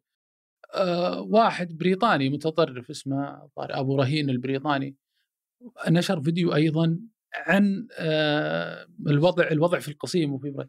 في دخول الجماعات هذه كان هذا كله كان قبل هذا كان في 2012 2013 ما كنا منتبهين إنه هذا ممكن إنه يدفع لكن أنا في وجهة نظري إنه لا شك إنه هذا الجو العام الحراك هذا خلى في بؤرة وفي يعني في قابلية في هالمنطقه تحديدا أنها تتطرف أكثر، طبعا في سببين أو تفسيرين آخرين بس يعني ما ودي أطول في الموضوع قضية إنه أوائل المسافرين دائما هذا نرجع لقضية العلاقات الشخصية، العلاقات الشخصيه مهمة.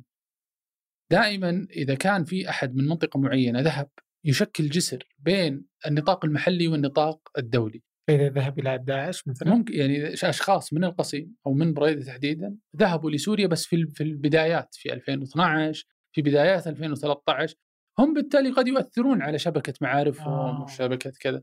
فأنا وجدت لما استعرضت الأسماء وجدت مع إنك صعب إنك تحصر الجميع لكن وجدت خمسة أو ستة من الأشخاص اللي قد يكون لهم تأثير في وأخيرا كان فيه وهذه أيضا نرجع لنقاش سابق في لما آه، في نهايات التسعينات من القرن الماضي صارت حادثتين ورا بعض لكن كان أثرها كبير. وفاة الشيخ بن باز الله يرحمه عام 99 ووفاه الشيخ بن عثيمين في بدايات 2001 وكانت الصحوة في العقد اللي قبلها آه، يعني لها حضور ولها كذا. طبعا هي آه، رموزها اعتقلوا. لمدة أربع أو خمس سنوات وظهروا بخطاب مختلف وقتها. آه، ظهر تيار آخر حاول أنه يملأ الفراغ لكنه يعني ما نجح. سمي يعني يسموا الجامية أو غيرها كذا. طبعا من البديل اللي اللي وقتها استغل هذيك الفترة مجموعة من من المشايخ اللي اللي اللي كانوا فعلا متطرفين سموا سموا بالجهاديين الجدد. أحد أحد الباحثين سماهم الجهاديين وأحد الباحث آخر سماهم بمدرسة الشعيبي لأنهم كانوا يعني يلتفون حول شيخ آه، كبير في السن ضرير آه، رحمه الله آه، ويستغلون إنه هذا له يعني وزن وكذا فكانوا يحاولون إنهم أحيانا يوجهونه وكان له هو نفسه أيضا آراء مطرفه لكن هذه الجماعة أبرزها كان ناصر الفهد ولا زال معتقل. يعني حتى كان من أخطر فتاواه إنه شرعية استخدام أسلحة الدمار الشامل في في إي. وكان من ضمنهم شيخ اسمه سليمان العلوان. سليمان العلوان هذا شيخ عبد الله المحيسني اللي الآن أيضا موجود في في سوريا. طيب سليمان العلوان أفرج عنه في 2012 وهو من من القصيم في عز حملة هذه الحملة الجو الربيع العربي والثورات وحملة فك العاني وكذا طبعا لازم ننتبه إنه الجيل السعوديين هذولي ما كانوا واعين أصلا في فتره 9/11 ولا فترة بدايات الألفية ولا نهاية 90 كانوا صغار في السن. يعني حسب الافرج ايج حقهم أو أعمارهم 23 سنة تقريبا أو 23 كانوا عمرهم 10 سنوات 9 سنوات 11 سنة.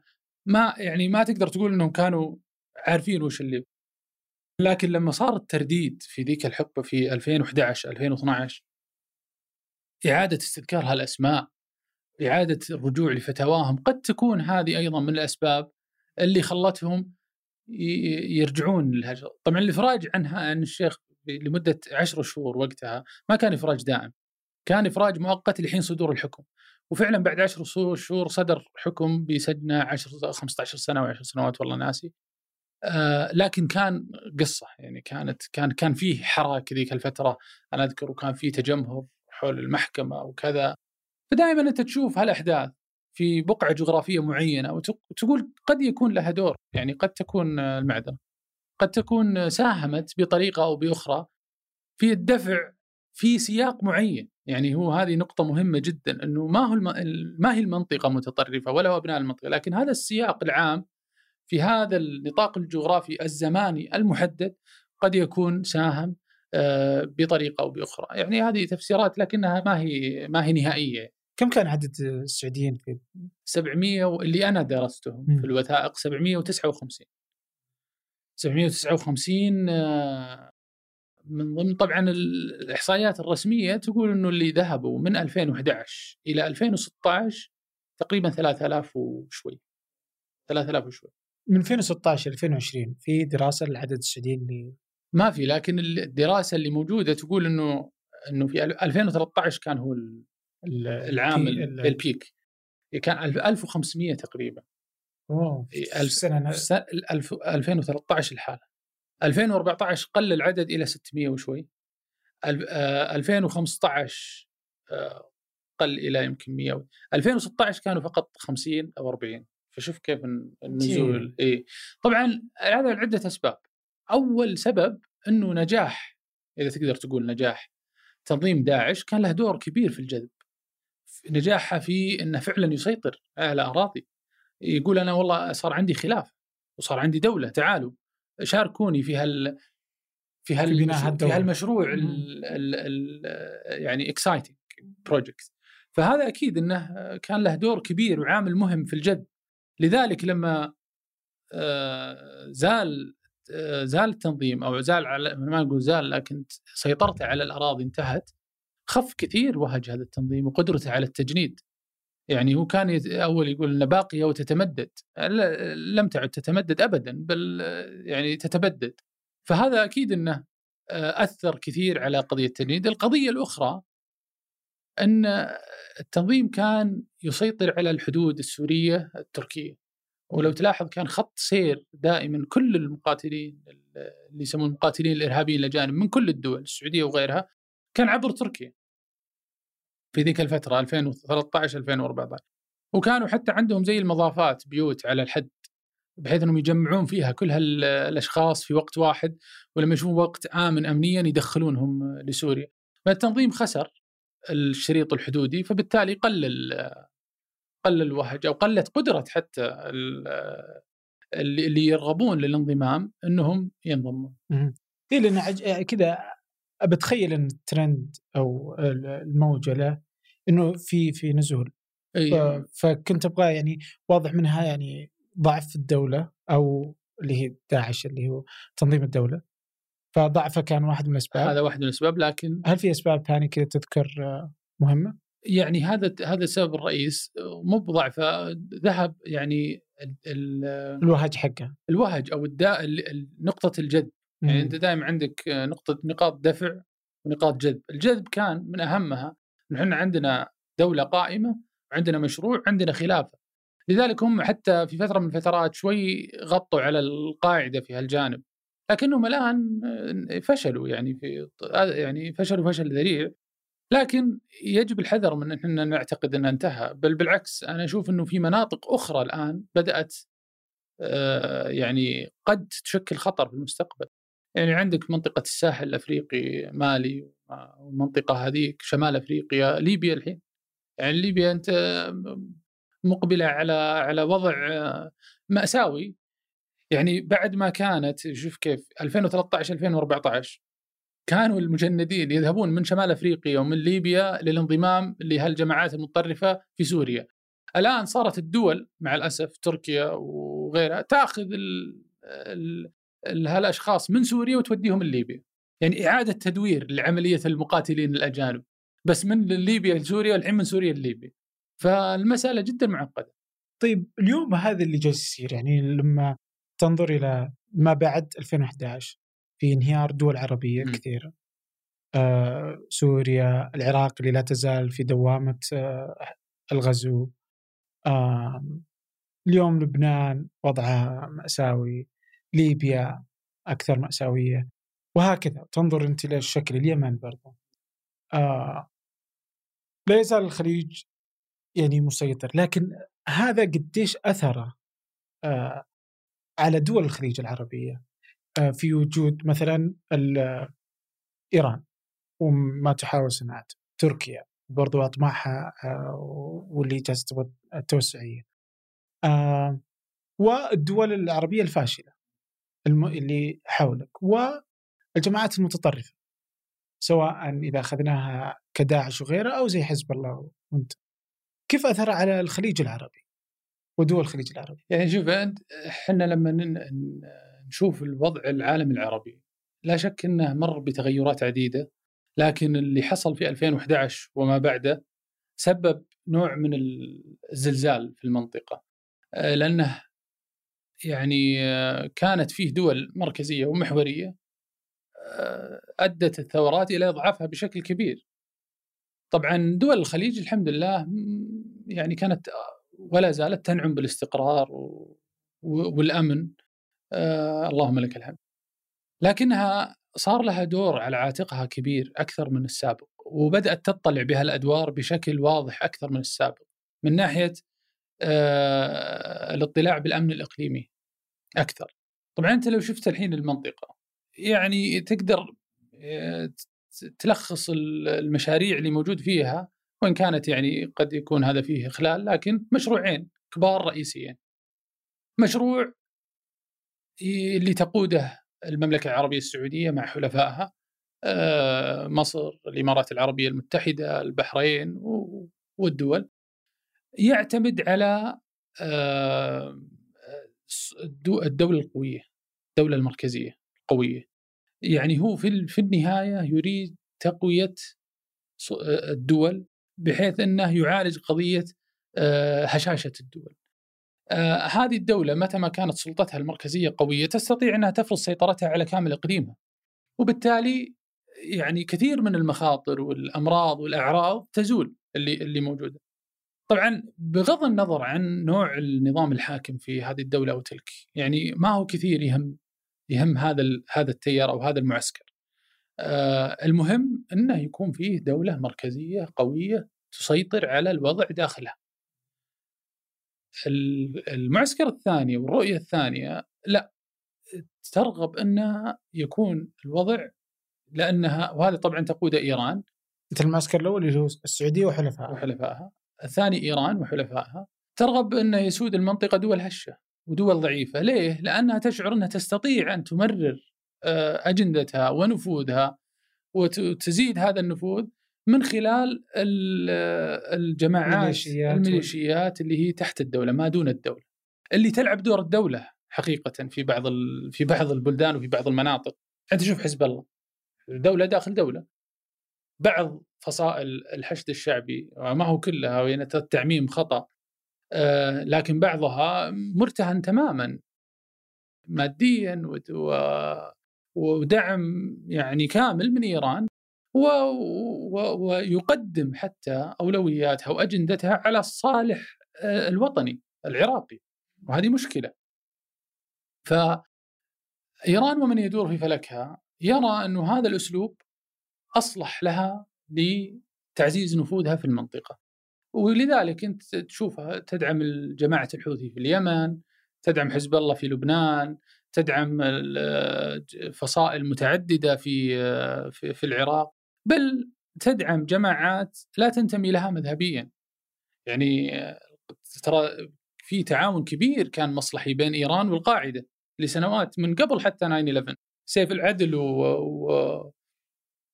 والثاني كانوا يديرون اتصالات بينهم وبين آه، أعضاء التنظيم في السعودية من إيران وهذه ذكرها وزير وزير الدولة الشؤون الخارجية عادل الجبير ذكرها أكثر من مرة إنه يعني لدينا اتصالات من إيران لأشخاص داخل السعودية للقيام بهجمات ضد المصالح السعودية وضد المصالح الأمريكية في المنطقة.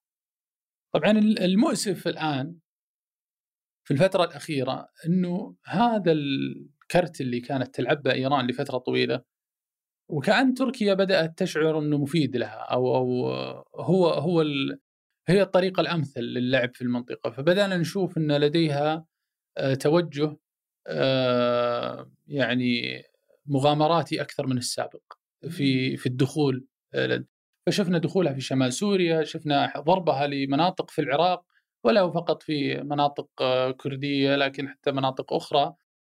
تشوفها الآن في ليبيا آه، العراق آه، قطر عندها قاعدة عسكرية هناك فبدأت تحاول إنها تلعب بنفس الكرت آه، وطبعا تحاول اللعب على الجانب القومي والديني في نفس الوقت يعني ونفس النظام يعني هم بالنسبة لهم الدين هو غطاء يعني ايديولوجيا لذلك يعني هذا موضوع آخر لكن قضية أنا ذكرتها في أحد المقالات إنه وش دور الأيديولوجية أصلا؟ يعني إذا رجعنا لي وش دور الأيديولوجية في التطرف وكذا؟ يعني في ناس كانوا يعتقدون إن دور الأديان عموما الإسلام أو غير الإسلام محوري في مسألة التطرف. لكن أنا ما أعتقد إنه دوره محوري مهم جدا وهو مهم حتى في بناء الهويات وبناء الأزمة والحل وكذا لكنه ما هو محوري من ناحية إنه هو فعلا اللي يدفع الشخص تجاه التطرف. التطرف. لا. عجيب إي لأنه هو الشخص في البداية لابد إنه يكون فيه مظالم يعتقدها مظالم يشعر فيها مظالم شخصية اجتماعية عامة كذا. وفي احتياجات ويشعر فيها. الأيديولوجية تأتي لاحقا. تعطي هذا الإطار معنى أسمى وتعطيه إنه تقول لك أنت ترى مظالمك ما هي شخصية مظالمك جماعية وكذا. فنرجع للقضية بس على الأيديولوجيات وش الأيديولوجيات المحركة لهذه الجماعات؟ أي جماعة؟ المتطرفة. الآن؟ عديدة يعني لا يمكن حصرها. يعني إذا جيت لداعش والقاعدة وكذا آه، يعني في ما أصطلح على تسميته بالسلفية الجهادية لكن أنا ضد التسمية هذه لأنه آه، كثير من المنتمين أصلا للجماعات هذه هم يقولون إحنا لا ما لنا دخل بالسلفية. في منهم ناس يقولون إحنا والله لكن في ناس كثير يقول لا. فحتى في الغرب الآن آه، في الدراسات الأكاديمية وهي على فكرة يعني هذا يعني المضحك المبكي هي أكثر رصانة وأكثر عمقا من اللي لدينا في في في, عالمنا العربي. لكنها صار الفيلد هذا أو هذا الحق اللي يسمى جهادزم يعني هم يسمونه بدون كلمة سلفي. لأنه آه، يعني أصبح فيه آه، إجماع إنه المسألة ما هي كذا. لكن هي مثلا زي الحوثي يعني وش اللي وش اللي يحركه؟ أنا في وجهة نظري إنه هذه الجماعات كلها أصلا الإرهاب ظاهرة سياسية في المقام الأول. يعني آه، الأهداف في المحصلة النهائية سياسية. يبقى الدين سواء الأيديولوجية عموما سواء كانت دينية أو غير دينية، ممكن ترى في المستقبل طلع عندنا جماعات ايديولوجيتها غير دينية. لكن الآن الأيديولوجية الدينية هي غطاء لتمرير هذه المشاريع. لأنك أنت تعرف أنك أنت في مجتمع وفي بيئة وفي عالم عربي الدين هو المحرك الأساس للناس فيه. يعني أنت لا يمكن أنك تستطيع أنك تجيب دعم كبير إذا بتجي تقول لي والله القيم الليبرالية أو القيم مثلا التحررية وكذا لكن تعال استخدم القيم الدينية والقيم الشرعية تجد ناس يقفون معك ويدافعون معك. فدائما الدين يستخدم للدفع بهذه الأجندات للتجنيد وكذا فسواء كانت عاد سنية شيعية كذا هي كلها يعني flavors مختلفة بس الهدف واحد. الهدف واحد. عجيب يعني إذا أنت تقول إنه مثلا عندنا تركيا وعندنا إيران آه وعندهم هدف هذا يعني يقومون والكرت اللي أنت قلته اللي هو الدول آه، الهشه okay. ولا أعتقد إن في مواطن يحب دولته تكون هشة ايا يكن. لكن وإذا كانت السعودية وحلفائها يقومون على وجود الدولة المركزية القوية يعني الاقتصاد جيد ومتمكنة من ليش إلى اليوم تجد أنه فيه كذا وكأن الجو العام عربيا؟ آه، يميل إلى أنه مثلا الشكل التركي الإيراني أكثر آه، إقناعا يعني هي قضية الحقيقة معقدة يصعب يصعب أنك تعطيها جواب بسيط وسهل لكن أحيانا يعني السبب يعني إذا فهمت سؤالك صح إنه ليش ما دام إنه كل مواطن يتمنى إن دولته تكون قوية ومستقرة ليش يساهم في الأجندات الخارجية مثلا؟ أحيانا قد يكون طمع شخصي، طمع شخصي لها أو لجماعته فإنها تصل إلى الحكم يوما ما مثلا. فهو يقول إن هذه الجهات الخارجية تدعمني حتى يصل فريقي أو الجهة اللي أنا منتمي إليها إلى النفوذ والسلطة. أحيانا يكون يعني عدم وعي آه، بخطورة الوضع وترى القضية إنه الانقسامات كثيرة في عالمنا العربي مع الأسف. يعني الانقسامات داخل الدول، قضية إن الفساد أيضا لا يساعد، كثير من هالدول الهشه ينخر فيها الفساد بشكل قوي جدا. فالقضية هذه أيضا تعزز الشعور بالمظلومية وتعزز كذا وتجعل الشخص أصلا يعني يحبط يحبط من من لذلك تجد أفضل العقول تهاجر في هالجو العام أفضل العقول وذا تهاجر يعني مؤخرا أحد الباحثين الرصينين في العراق الدكتور هشام الهاشمي وهو كان يعني يحاول دائما مسك العصا من النصف. ولأن الجو أصلا شديد الحساسية لم يقبل حتى كلامه المنطقي والوسطي نوعا ما فاغتيل عليه. فالقضية جدا معقده طيب آخر حاجة أنا ودي أجي عليها هي آه سلسلة تغريدات سو مؤخرا اللي حصل آه التطبيع ما بين آه إسرائيل ودولة الإمارات. وكان في ردود فعل آه كبيرة تجاه الموضوع هذا. اللي صار آه، ودي أتكلم فيه اللي هو آه، تغريداتك. فأنت كتبت مثلا انه أنا بقتبس بعض الاقتباسات منها انه إسرائيل دولة وهذا أمر واقع. وقرار التطبيع شأن سيادي تبعا للمصالح الاستراتيجية لأي دولة. آه، فالعديد من الدول الناقدة ولعقود تركت العمل الفعلي لأجل القضية واكتفت بالمزايدات السياسية والشعارات الفارغة. ف آه التطبيع كمبدأ لا اعتراض عليه لكن مقابل ماذا؟ أعطني قراءتك للمشهد حيال مسألة التطبيع. يعني أنا أعتقد أن إحنا في منطقتنا كل ما كان في فرصه إحنا نسعى للاستقرار والسلام كل ما كان هذا الهدف النهائي. البعض عنده حساسية من كلمة التطبيع لكن أنت لو رجعنا للمبادره العربية أصلا في عام 2002 هي كانت تقوم أصلا على التطبيع يعني بس مقابل ماذا؟ أنا هذا السؤال اللي أنا كنت أطرحه. أن أنت يفترض أنه مو بس يكون لا, لا اعتراض عليه، يفترض أنه يكون هدف نهائي. لكن هو السؤال مقابل ماذا؟ يعني هذه ورقة أنا في وجهة نظري الشخصية ورقة مهمة وقوية أنت ماسكها وهم يريدونك أنت أنك تطبع معهم. ف كل ما استطعت إنك تحصل على تنازل أكبر لمصلحة الفلسطينيين كل ما كان أفضل بدون شك. لكن يعني أرجع للي ذكرته أنت الحقائق. هي مشكله القضية هذه القضية الفلسطينية إنها يعني هي معنا من يوم انولدنا ومن قبل ما ننولد. فهي قضية يعني تثير الكثير من العواطف لدى الناس. ولذلك الاختلاف حولها تجده دائما قوي وواضح.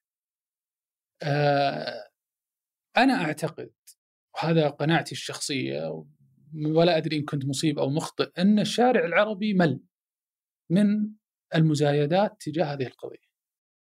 كثير من الدول اللي كانت يعني صدعت رؤوسنا بقضية المقاومة ومحور الممانعة و و و استخدمت القضية الفلسطينية على مدى عقود للمزايدات السياسية والشعارات الفارغة ولم تعمل شيء على أرض الواقع. من تقصد؟ آه، سوريا إيران آه، كل الدول هذا المحور اللي إحنا يسمون نفسهم الممانعة حزب الله وغيرهم يعني كانت ورقه ضغط سياسي ترفعه لحشد الأتباع وكذا بل حتى الجماعات الإرهابية اللي صدعت روسنا بقضيه إسرائيل وكذا لم تطلق رصاصة واحدة على إسرائيل ومع ذلك لو تشوف خطاباتها وال narrative construction حقها يتهمونك إنك حليف. آه، طيب طيب أنتم الآن في سوريا تراكم جنبهم. يعني ولا رصاصة واحدة ذهبت لاتجاهها.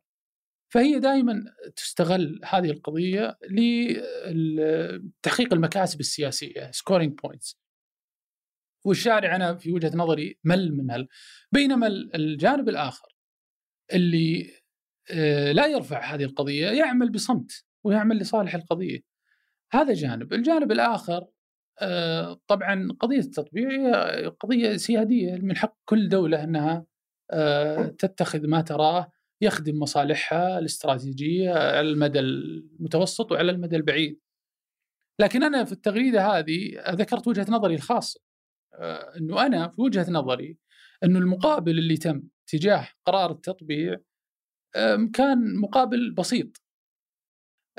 لكن إذا كان مثلا والله المقابل دولة فلسطينية آه، عاصمتها القدس الشرقية مثلا على حدود 67 على بنفس البنود الاتفاقية خير وبركة هذا هذا ما نريده جميعا ويحصل التطبيع ويحصل اتفاقيات السلام و... و... ولا ولا ولا يكون في ذلك حرج يعني.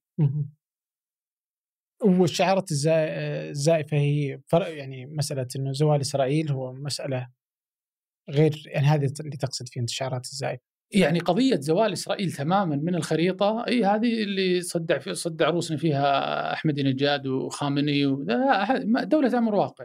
إسرائيل دولة, دولة أمر واقع لابد أن نتعايش معها. يعني لكن هذا لا يعني أنك تتنازل لها. لكن في النهاية مثل ما ذكرت يعني حكومتنا أنه آه، نحن مع الفلسطينيين فيما يقررون. يعني أنت لا أصلا أصلا القضية هذه هي قضية فلسطينية. يعني لا تملك أنت آه، صلاحية أنك تقرر بالنيابة عنهم. هم يقررون لكن أنت تقرر ما يخصك علاقاتك أنت الشخصية فقط. طيب واللي يعني في في الجانب الآخر برضو في أنه إسرائيل ليست بالضرورة أنها آه يعني اللي أوه الحبيبة اللي الله مدري إيش. لا, لا تزال برضو عندها أطماع عندها يعني مشروع توسعي. أحس إنه غايب عن قراءة المشهد. يعني هي دولة إسرائيل دولة احتلال. هذا ما في كلام. يعني هي دولة محتلة مغتصبة. وليست يعني حتى تضرب بقوانين بقواعد القانون الدولي ضرب الحائط كل يوم. يعني هي منتهكة لكثير من قرارات مجلس الأمن وغيره. يعني هذا لذلك أنا ذكرت أنه ما المقابل تجاه هذه تجاه هذه الخطوة خطوة التطبيق. يعني هي كمبدأ لا اعتراض عليها لكن ما هو المقابل؟ طبعا أنت الآن في سياق آه، يعني حتى نكون برضو أكثر دقة وأكثر وضوح أنت الآن في سياق مختلف. يعني السياق الإقليمي الآن تغير. يعني لو جيت وعملت استفتاء مع إن إحنا ما عندنا استفتاءات لكن أنا أتوقع لو جيت وعملت استفتاء قبل 20 سنة أو 25 سنة في المجتمع هنا. أزعم إنه لو قلت من العدو الأول كثير بيقولون إسرائيل. أنا أزعم إنك لو جيت الآن وقلت من العدو الأول كثير بيقولون إيران مو بإسرائيل. لأنك ليه؟ لسبب بسيط. يعني أنت أنت الآن مستهدف الصواريخ اللي تجيك داخل السعودية مصنعة في إيران وموجهة لك من إيران. وإيران تستهدفك ليل نهار علنيا وغير علنيا وبشكل. بينما إسرائيل أنت ما ما جاك منها شيء، ما شفت منها شيء غير غير كونها فعلا دولة احتلال ودولة مغتصبة، لكن أنت الآن هنا في السياق هذا القطري أنت ما شفت منها فهذا لا شك إنه يؤدي إلى تغير آه، في المفاهيم. لكن المسألة أنا بالنسبة لي مسألة مبدأ. حتى وإن كان هذا الوضع صحيح يعني الوضع الاحتلال الإسرائيلي لفلسطين لا يمكن أنك يعني تشرعنه. بأي حال من الأحوال أو توافق عليه. إذا كان في تنازل يخدم القضية الفلسطينية يوافق عليه الفلسطينيين ممتاز. طيب ودي أفهم شكل المشهد في السعودية إذا تبغى تعطيني أو حتى آه، في الخليج. للدراسات اللي تتم. يعني حتى أحيانا لك إذا أنت تتكلم بعدين تعطي مثلا زي مثلا بعض الأمثلة وأحس خلاص واضح إنك قريت دراسة أجنبية مثلا اللي هو الهجرة. فما إحنا نشوف الهجرة تجينا الهجرة واضح إنها تروح لأوروبا وهذا اللي يأثر عليها. ومن ثم يقولون كيف تتم مثلا الجماعات المتطرفة وغيرها الدراسات مثلا زي اللي قبل شوي آخر حاجة مثلا آه، من هو العدو الأول بالنسبة يعني استفتاءات دراسات للناس. آه، حتى الجماعات كيف تتطرف كيف الفرد يتطرف. آه، نحن لسنا بمعزل وإن كنا في دولة مستقرة و يعني مزدهرة وكذا إلا أنه لا يزال برضو هذه دراسات مهمة. أنا ودي أفهم كيف تشوف أنت بما انك باحث كيف تشوف المشهد لمراكز الأبحاث السعودية أو العربية في آه، في المنطقة. الإجابة العامة غير مرضية. آه، والإجابة التفصيلية قد يكون إنه الوضع الآن أفضل من ما كنا عليه في السابق بكثير. يعني إحنا عندنا في السعودية خليني اخذ النطاق المحلي أول. عندنا مراكز عريقة يعني ومتميزة جدا يمكن من أبرزها مركز الملك فيصل للبحوث والدراسات الإسلامية عندنا في في الجانب الاقتصادي كابسارك مركز الملك عبد الله للبحوث البترولية فيه مركز الخليج مركز الخليج للدراسات في جدة مركز رصانة المختص بالدراسات الإيرانية وهذه المراكز الأربع على فكرة موجودة أيضا في قائمة بنسلفانيا لتصنيف المراكز البحثية لكن لا تزال شحيحة يعني على دولة بمستوى وثقل وأهمية المملكة العربية السعودية آه، لا تزال المراكز البحثية قليلة. التحدي الآخر يعني أنت لو جيت وشفت أنا متأكد المراكز البحثية عددها كبير في السعودية أكثر من كذا أيضا في عشان ما أنسى في مركز أسبار لكن المراكز أكثر من أربعة خمسة أنا متأكد ان في مئات لكن وين وين إنتاجها؟ وين وين وين العائد للمجتمع ولصانع القرار ولزيادة الوعي العام منها؟ ما شفنا شيء. البعض يكون هدفها أصلا مادي ربحي فقط.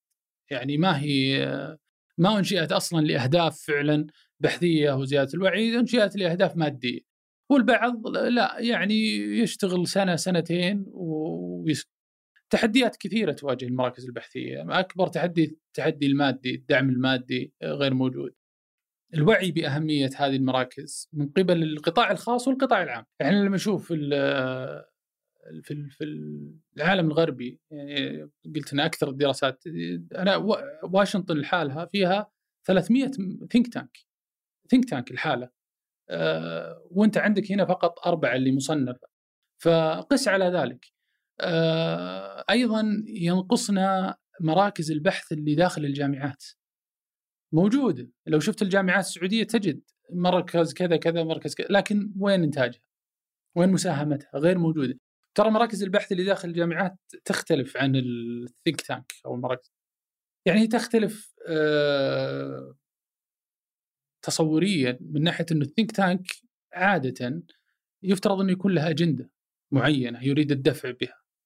آه وهذه الأجندة هي تتبع مثلا مموليه أو الدعم المادي اللي جاية أو إنه حتى لو استعرضت مراكز البحث ثينك تانكس في أمريكا تعرف إنه المركز هذا آه، ينتمي للحزب الفلاني، المركز هذا ينتمي للحزب الفلاني، المركز هذا يميني، المركز هذا يساري. فواضح الأجندة. يفترض ان المراكز البحثية التابعة للجامعات إنها تكون مستقلة. هذا المفروض فيها. إنها ما تكون تحاول الدفع باتجاه معين.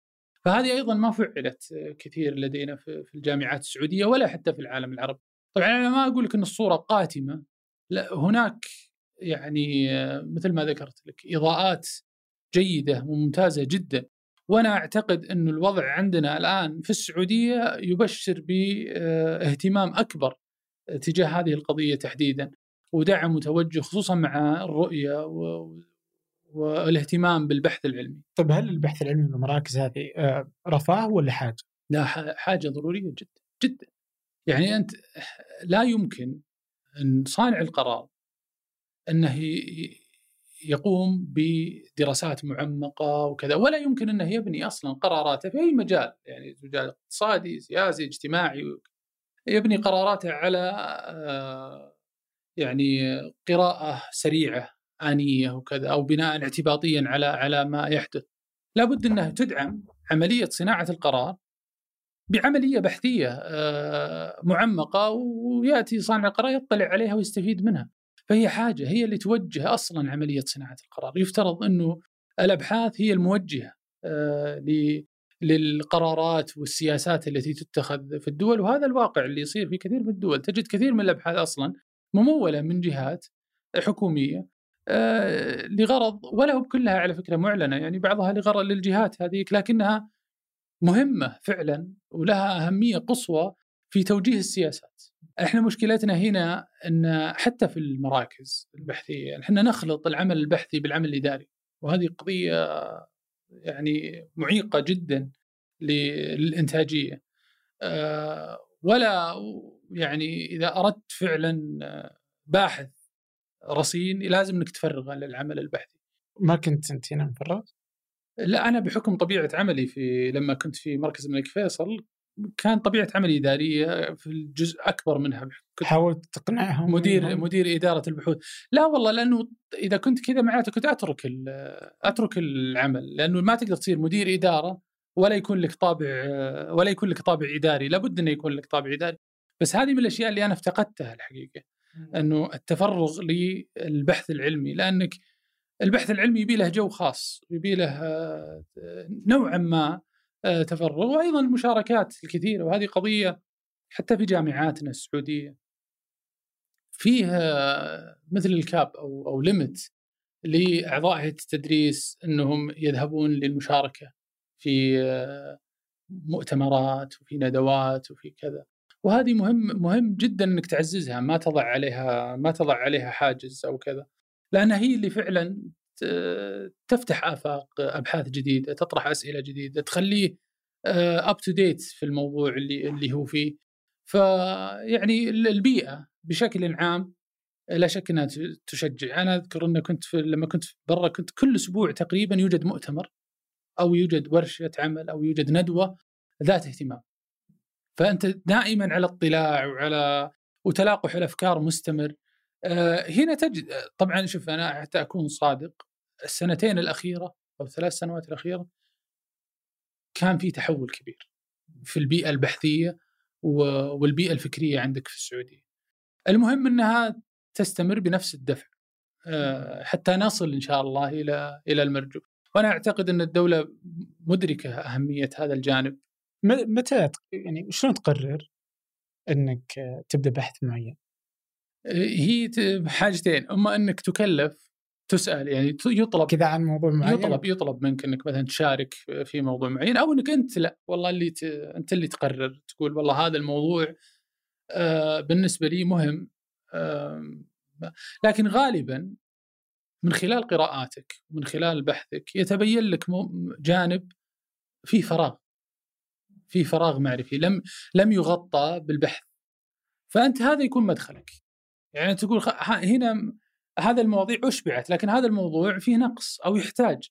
وهو عموما يعني البحوث أي بحث علمي جيد تنتهي منه بأسئلة أكثر من أجوبة. تنتهي منه بأسئلة أكثر مما بديت. فأنت إذا قرأت بحث جيد تخرج منه بأفكار لبحث آخر. طيب أنا يعني تنقصني فهم أو إدراك المنظومة الكاملة للإبحاث. بس إذا قلنا إنه نحتاج مراكز بحثية عشان تكتب المنظومة آه ندوات وورش وحراك فكري آه جامعات. باحثين باحثين أهم شيء. وين تشوف أضعف نقاط المنظومة؟ الباحثين باحثين؟ اي يعني أنا في وجهة ليش؟ لأن الدكاتره عندنا. لا الباحثين لأن أنا في تخصصي. إيه؟ أنا ما أحكي بشكل عام أنا أحكي في تخصص قضية الإرهاب والتطرف أوكي. ال field هذا أو التخصص هذا أصلا في خلاف هل هو حقل معرفي مختص بذاته ولا لا؟ مم. هو أصلا يعني دراسات الإرهاب هل هي حقل معرفي ولا لا؟ نعم ولا يعني هو أكثر أفضل طريقة تفكر فيها أنها يعني آه، حقل معرفي يجمع تخصصات عدة ما هو تخصص واحد لكن المشكلة فيه الأساسية حاجتين. أول شيء عدم السيطرة على التعريف. يعني وش تعريف الإرهاب؟ أنت يمكن تعرف تعريف غيرك يعرف تعريف. حتى المنظمات الدولية عندها تعريف مختلفة. الدول كل دولة تعرف تعريف مختلف. فأنت كيف بتدرس وبتتخصص في شيء أصلا ما تعرف وش؟ لأن التعريف هو أساس كل شيء. أنت لما تعرف التعريف طبعا الشيء الثاني كيف تطلع الخبراء في هالمجال؟ يعني لسه ما في في الفيزياء في الطب في الاقتصاد في في سلسلة معروفة إنه لما تعدي الأشياء مثلا في الطب زماله وكذا تصبح طبيب. وش اللي يؤهلك إنك تكون خبير في الإرهاب؟ ما حد يدري. أصلا تخصص الإرهاب تكون صراحة القضية فعلا يعني مضحكة. لأن أول ما طلع هذا التخصص ترى ما طلع من الجامعات. آه. ما طلع من الجامعات الأكاديمية تخصص وطلع من الثينك تانكس أول ما بدأ. وبعدين في قضية ثانية اللي هي يسمونها يعني نوع من الاستجما أو وصمة العار للباحثين يجدونها إذا اقترب من موضوع بحثه وتخصصه. بمعنى أنه الإرهاب لا يجب تبريره. فأنت لا يجب أنك تقرب نحو الإرهابي وتدرس طريقة تفكيره طريقة تفكيره وكذا يعني تواصلك معه يفترض إنه يكون من بعيد أو to minimum يعني هذه آه، طبعا في السابق كانت أكثر منها الآن لكن لفترة طويلة كانت كذا.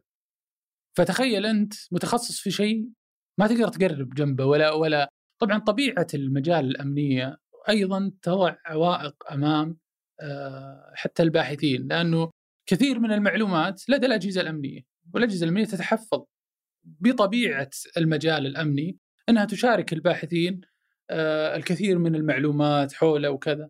فتجد أنت عوائق كثيرة في هالجانب تضع تجعل المختص آه، فيه نادر. يعني فهذه يعني هي قضية وجود المختص آه، نادرة. طبعا خصوصا في عالمنا الصراحة لا خصوصا في منطقتنا يعني. رغم ان الحين المشاكل كلها عندنا يعني. مع مع على الرغم من ذلك. يعني تجد في الجامعات الغربية وذا تجد تخصصات الآن أصبحت تدرس آه، ماجستير في الإرهاب آه، أحيانا آه، يعني حتى في في البكالوريوس. أنت ما تجد عندنا هنا برنامج ما في. إلا في جامعة نايف بدأ العام الماضي دبلوم عالي في مكافحة الإرهاب. طبعا تجد في قد تجد في الجامعات العسكرية أو الأكاديميات العسكرية أو الأمنية لكن أنا أقصد في الجامعات السفر الأمنية المدنية المدنية. امم جيد. طيب وش وداك أنت لهالتخصص؟ والله ما يعني, يعني أنا كنت في آه، عام 2001 كنت في الجامعة. بكالوريوس. بكالوريوس إيه؟ ناين وكنت مقرر إني بكمل كنت تدرس قانون. كنت أدرس قانون. ممتاز. إيه؟ وكتب القانون الدولي أصلا. بس كنت مقرر إني بطلع أمريكا للدراسات العليا. يعني كنت أبغى أروح أمريكا. وصارت أحداث آه، سبتمبر. وكأن الأهل الوالد والوالدة الله يحفظهم صار عندهم تحفظ من ذهابي لأمريكا. فحقدت على بن لادن. عاد تدري إن حلقة كظاهر تنشر في قريب من 11 سبتمبر. لا مو إحنا يعني ثلاثة. صح. كم اليوم إحنا كم؟ باقي باقي أسبوع والله أنت منحوس ف يعني هذا هذا باختصار السبب. لكن أيضا يعني لما رحت ودرست الماجستير في لندن كان الأمن والسلم الدوليين الموضوع العام أو الماستر in international peace and security فلما جاء وقت الرسالة كنت أتناقش مع ال supervisor المشرف. وكان أيضا هو قال لي ليش ما تبحث؟ كان لسه الموضوع لا زال يعني fresh فقلت خلاص سبحان الله الموضوع أي موضوع إذا دخلت فيه وتعمقت فيه تبدأ تحبه غالبا. فأنا كل ما تعمقت في هالموضوع كل ما وجدت إنه يستحق البحث, و... اي اي لا بس يعني كذا وأنت ش... يعني أول شيء اللي هو يعني إنه قليل أصلا تعريف الارهاب لحاله سالفه بعدين يعني ما حد بيعطيك بيانات يعني قدرتك على البحث على ما إيجاد الله طيب يعني ما يعطونك بيانات على لو تبغى وزارة اتصالات ما اعطوك بيانات صادق. آه، في في الحياة العادية فما بالك إذا دخلت أمنية؟ بس تدري وش اللي عوضها في الآونة الأخيرة؟ ثورة المعلومات ثورة التقنية والإنترنت. لأن أول فعلا ما تقدر إذا ما عندك البيانات هي البحث. إذا ما عندك بيانات شلون تسوي بحث؟ أنا قصدي إنه التخصصات الثانية العادية المدنية ما يعطون. ما يعطون. فما بالك امنيه لكن الآن أصبحت نقاشات المتطرفين والإرهابيين كلها موجودة على الإنترنت. فأنت الآن تستطيع إنك تحصل عليها بسهولة. وبل كثير من الباحثين مو بنا. يتواصلون مع الارهابيين فكثير منهم يتواصلون معهم لأغراض بحثية يعني على على الرغم من خطورة ذلك. فأنا ما يعني ما ايده يعني لأنه فعلا القضية ما هي. لكن المعلومات أصبحت موجودة. يعني هذه الثورة التكنولوجية الهائلة سهلت من وجود البيانات والمعلومات نقاشاتهم الداخلية تخطيطهم وكذا. أصبح من السهل على الباحث إذا يعرف بس وين يدور إنه يجدها. واللي يبغى يدور عليك يجدك على تويتر. الله يطول عمرك. آه موجود برضه حسابك في وصف الحلقة. شكرا جزيلا لك. شكرا لك على الاستضافة. أنا سعيد جدا و... ومقدر لدعوتكم. يعطيك العافية. شكرا. شكرا. شكرا لك. شكرا لكم. شكرا لساحر سليمان في الإعداد والتنسيق. خلف الكاميرات الوليد العيسى وعبد الحميد خان. وفي آه، الهندسة الصوتية محمد الحسن. هذا فنجان أحد منتجات شركة ثمانية للنشر والتوزيع. الأسبوع المقبل. ألقاكم.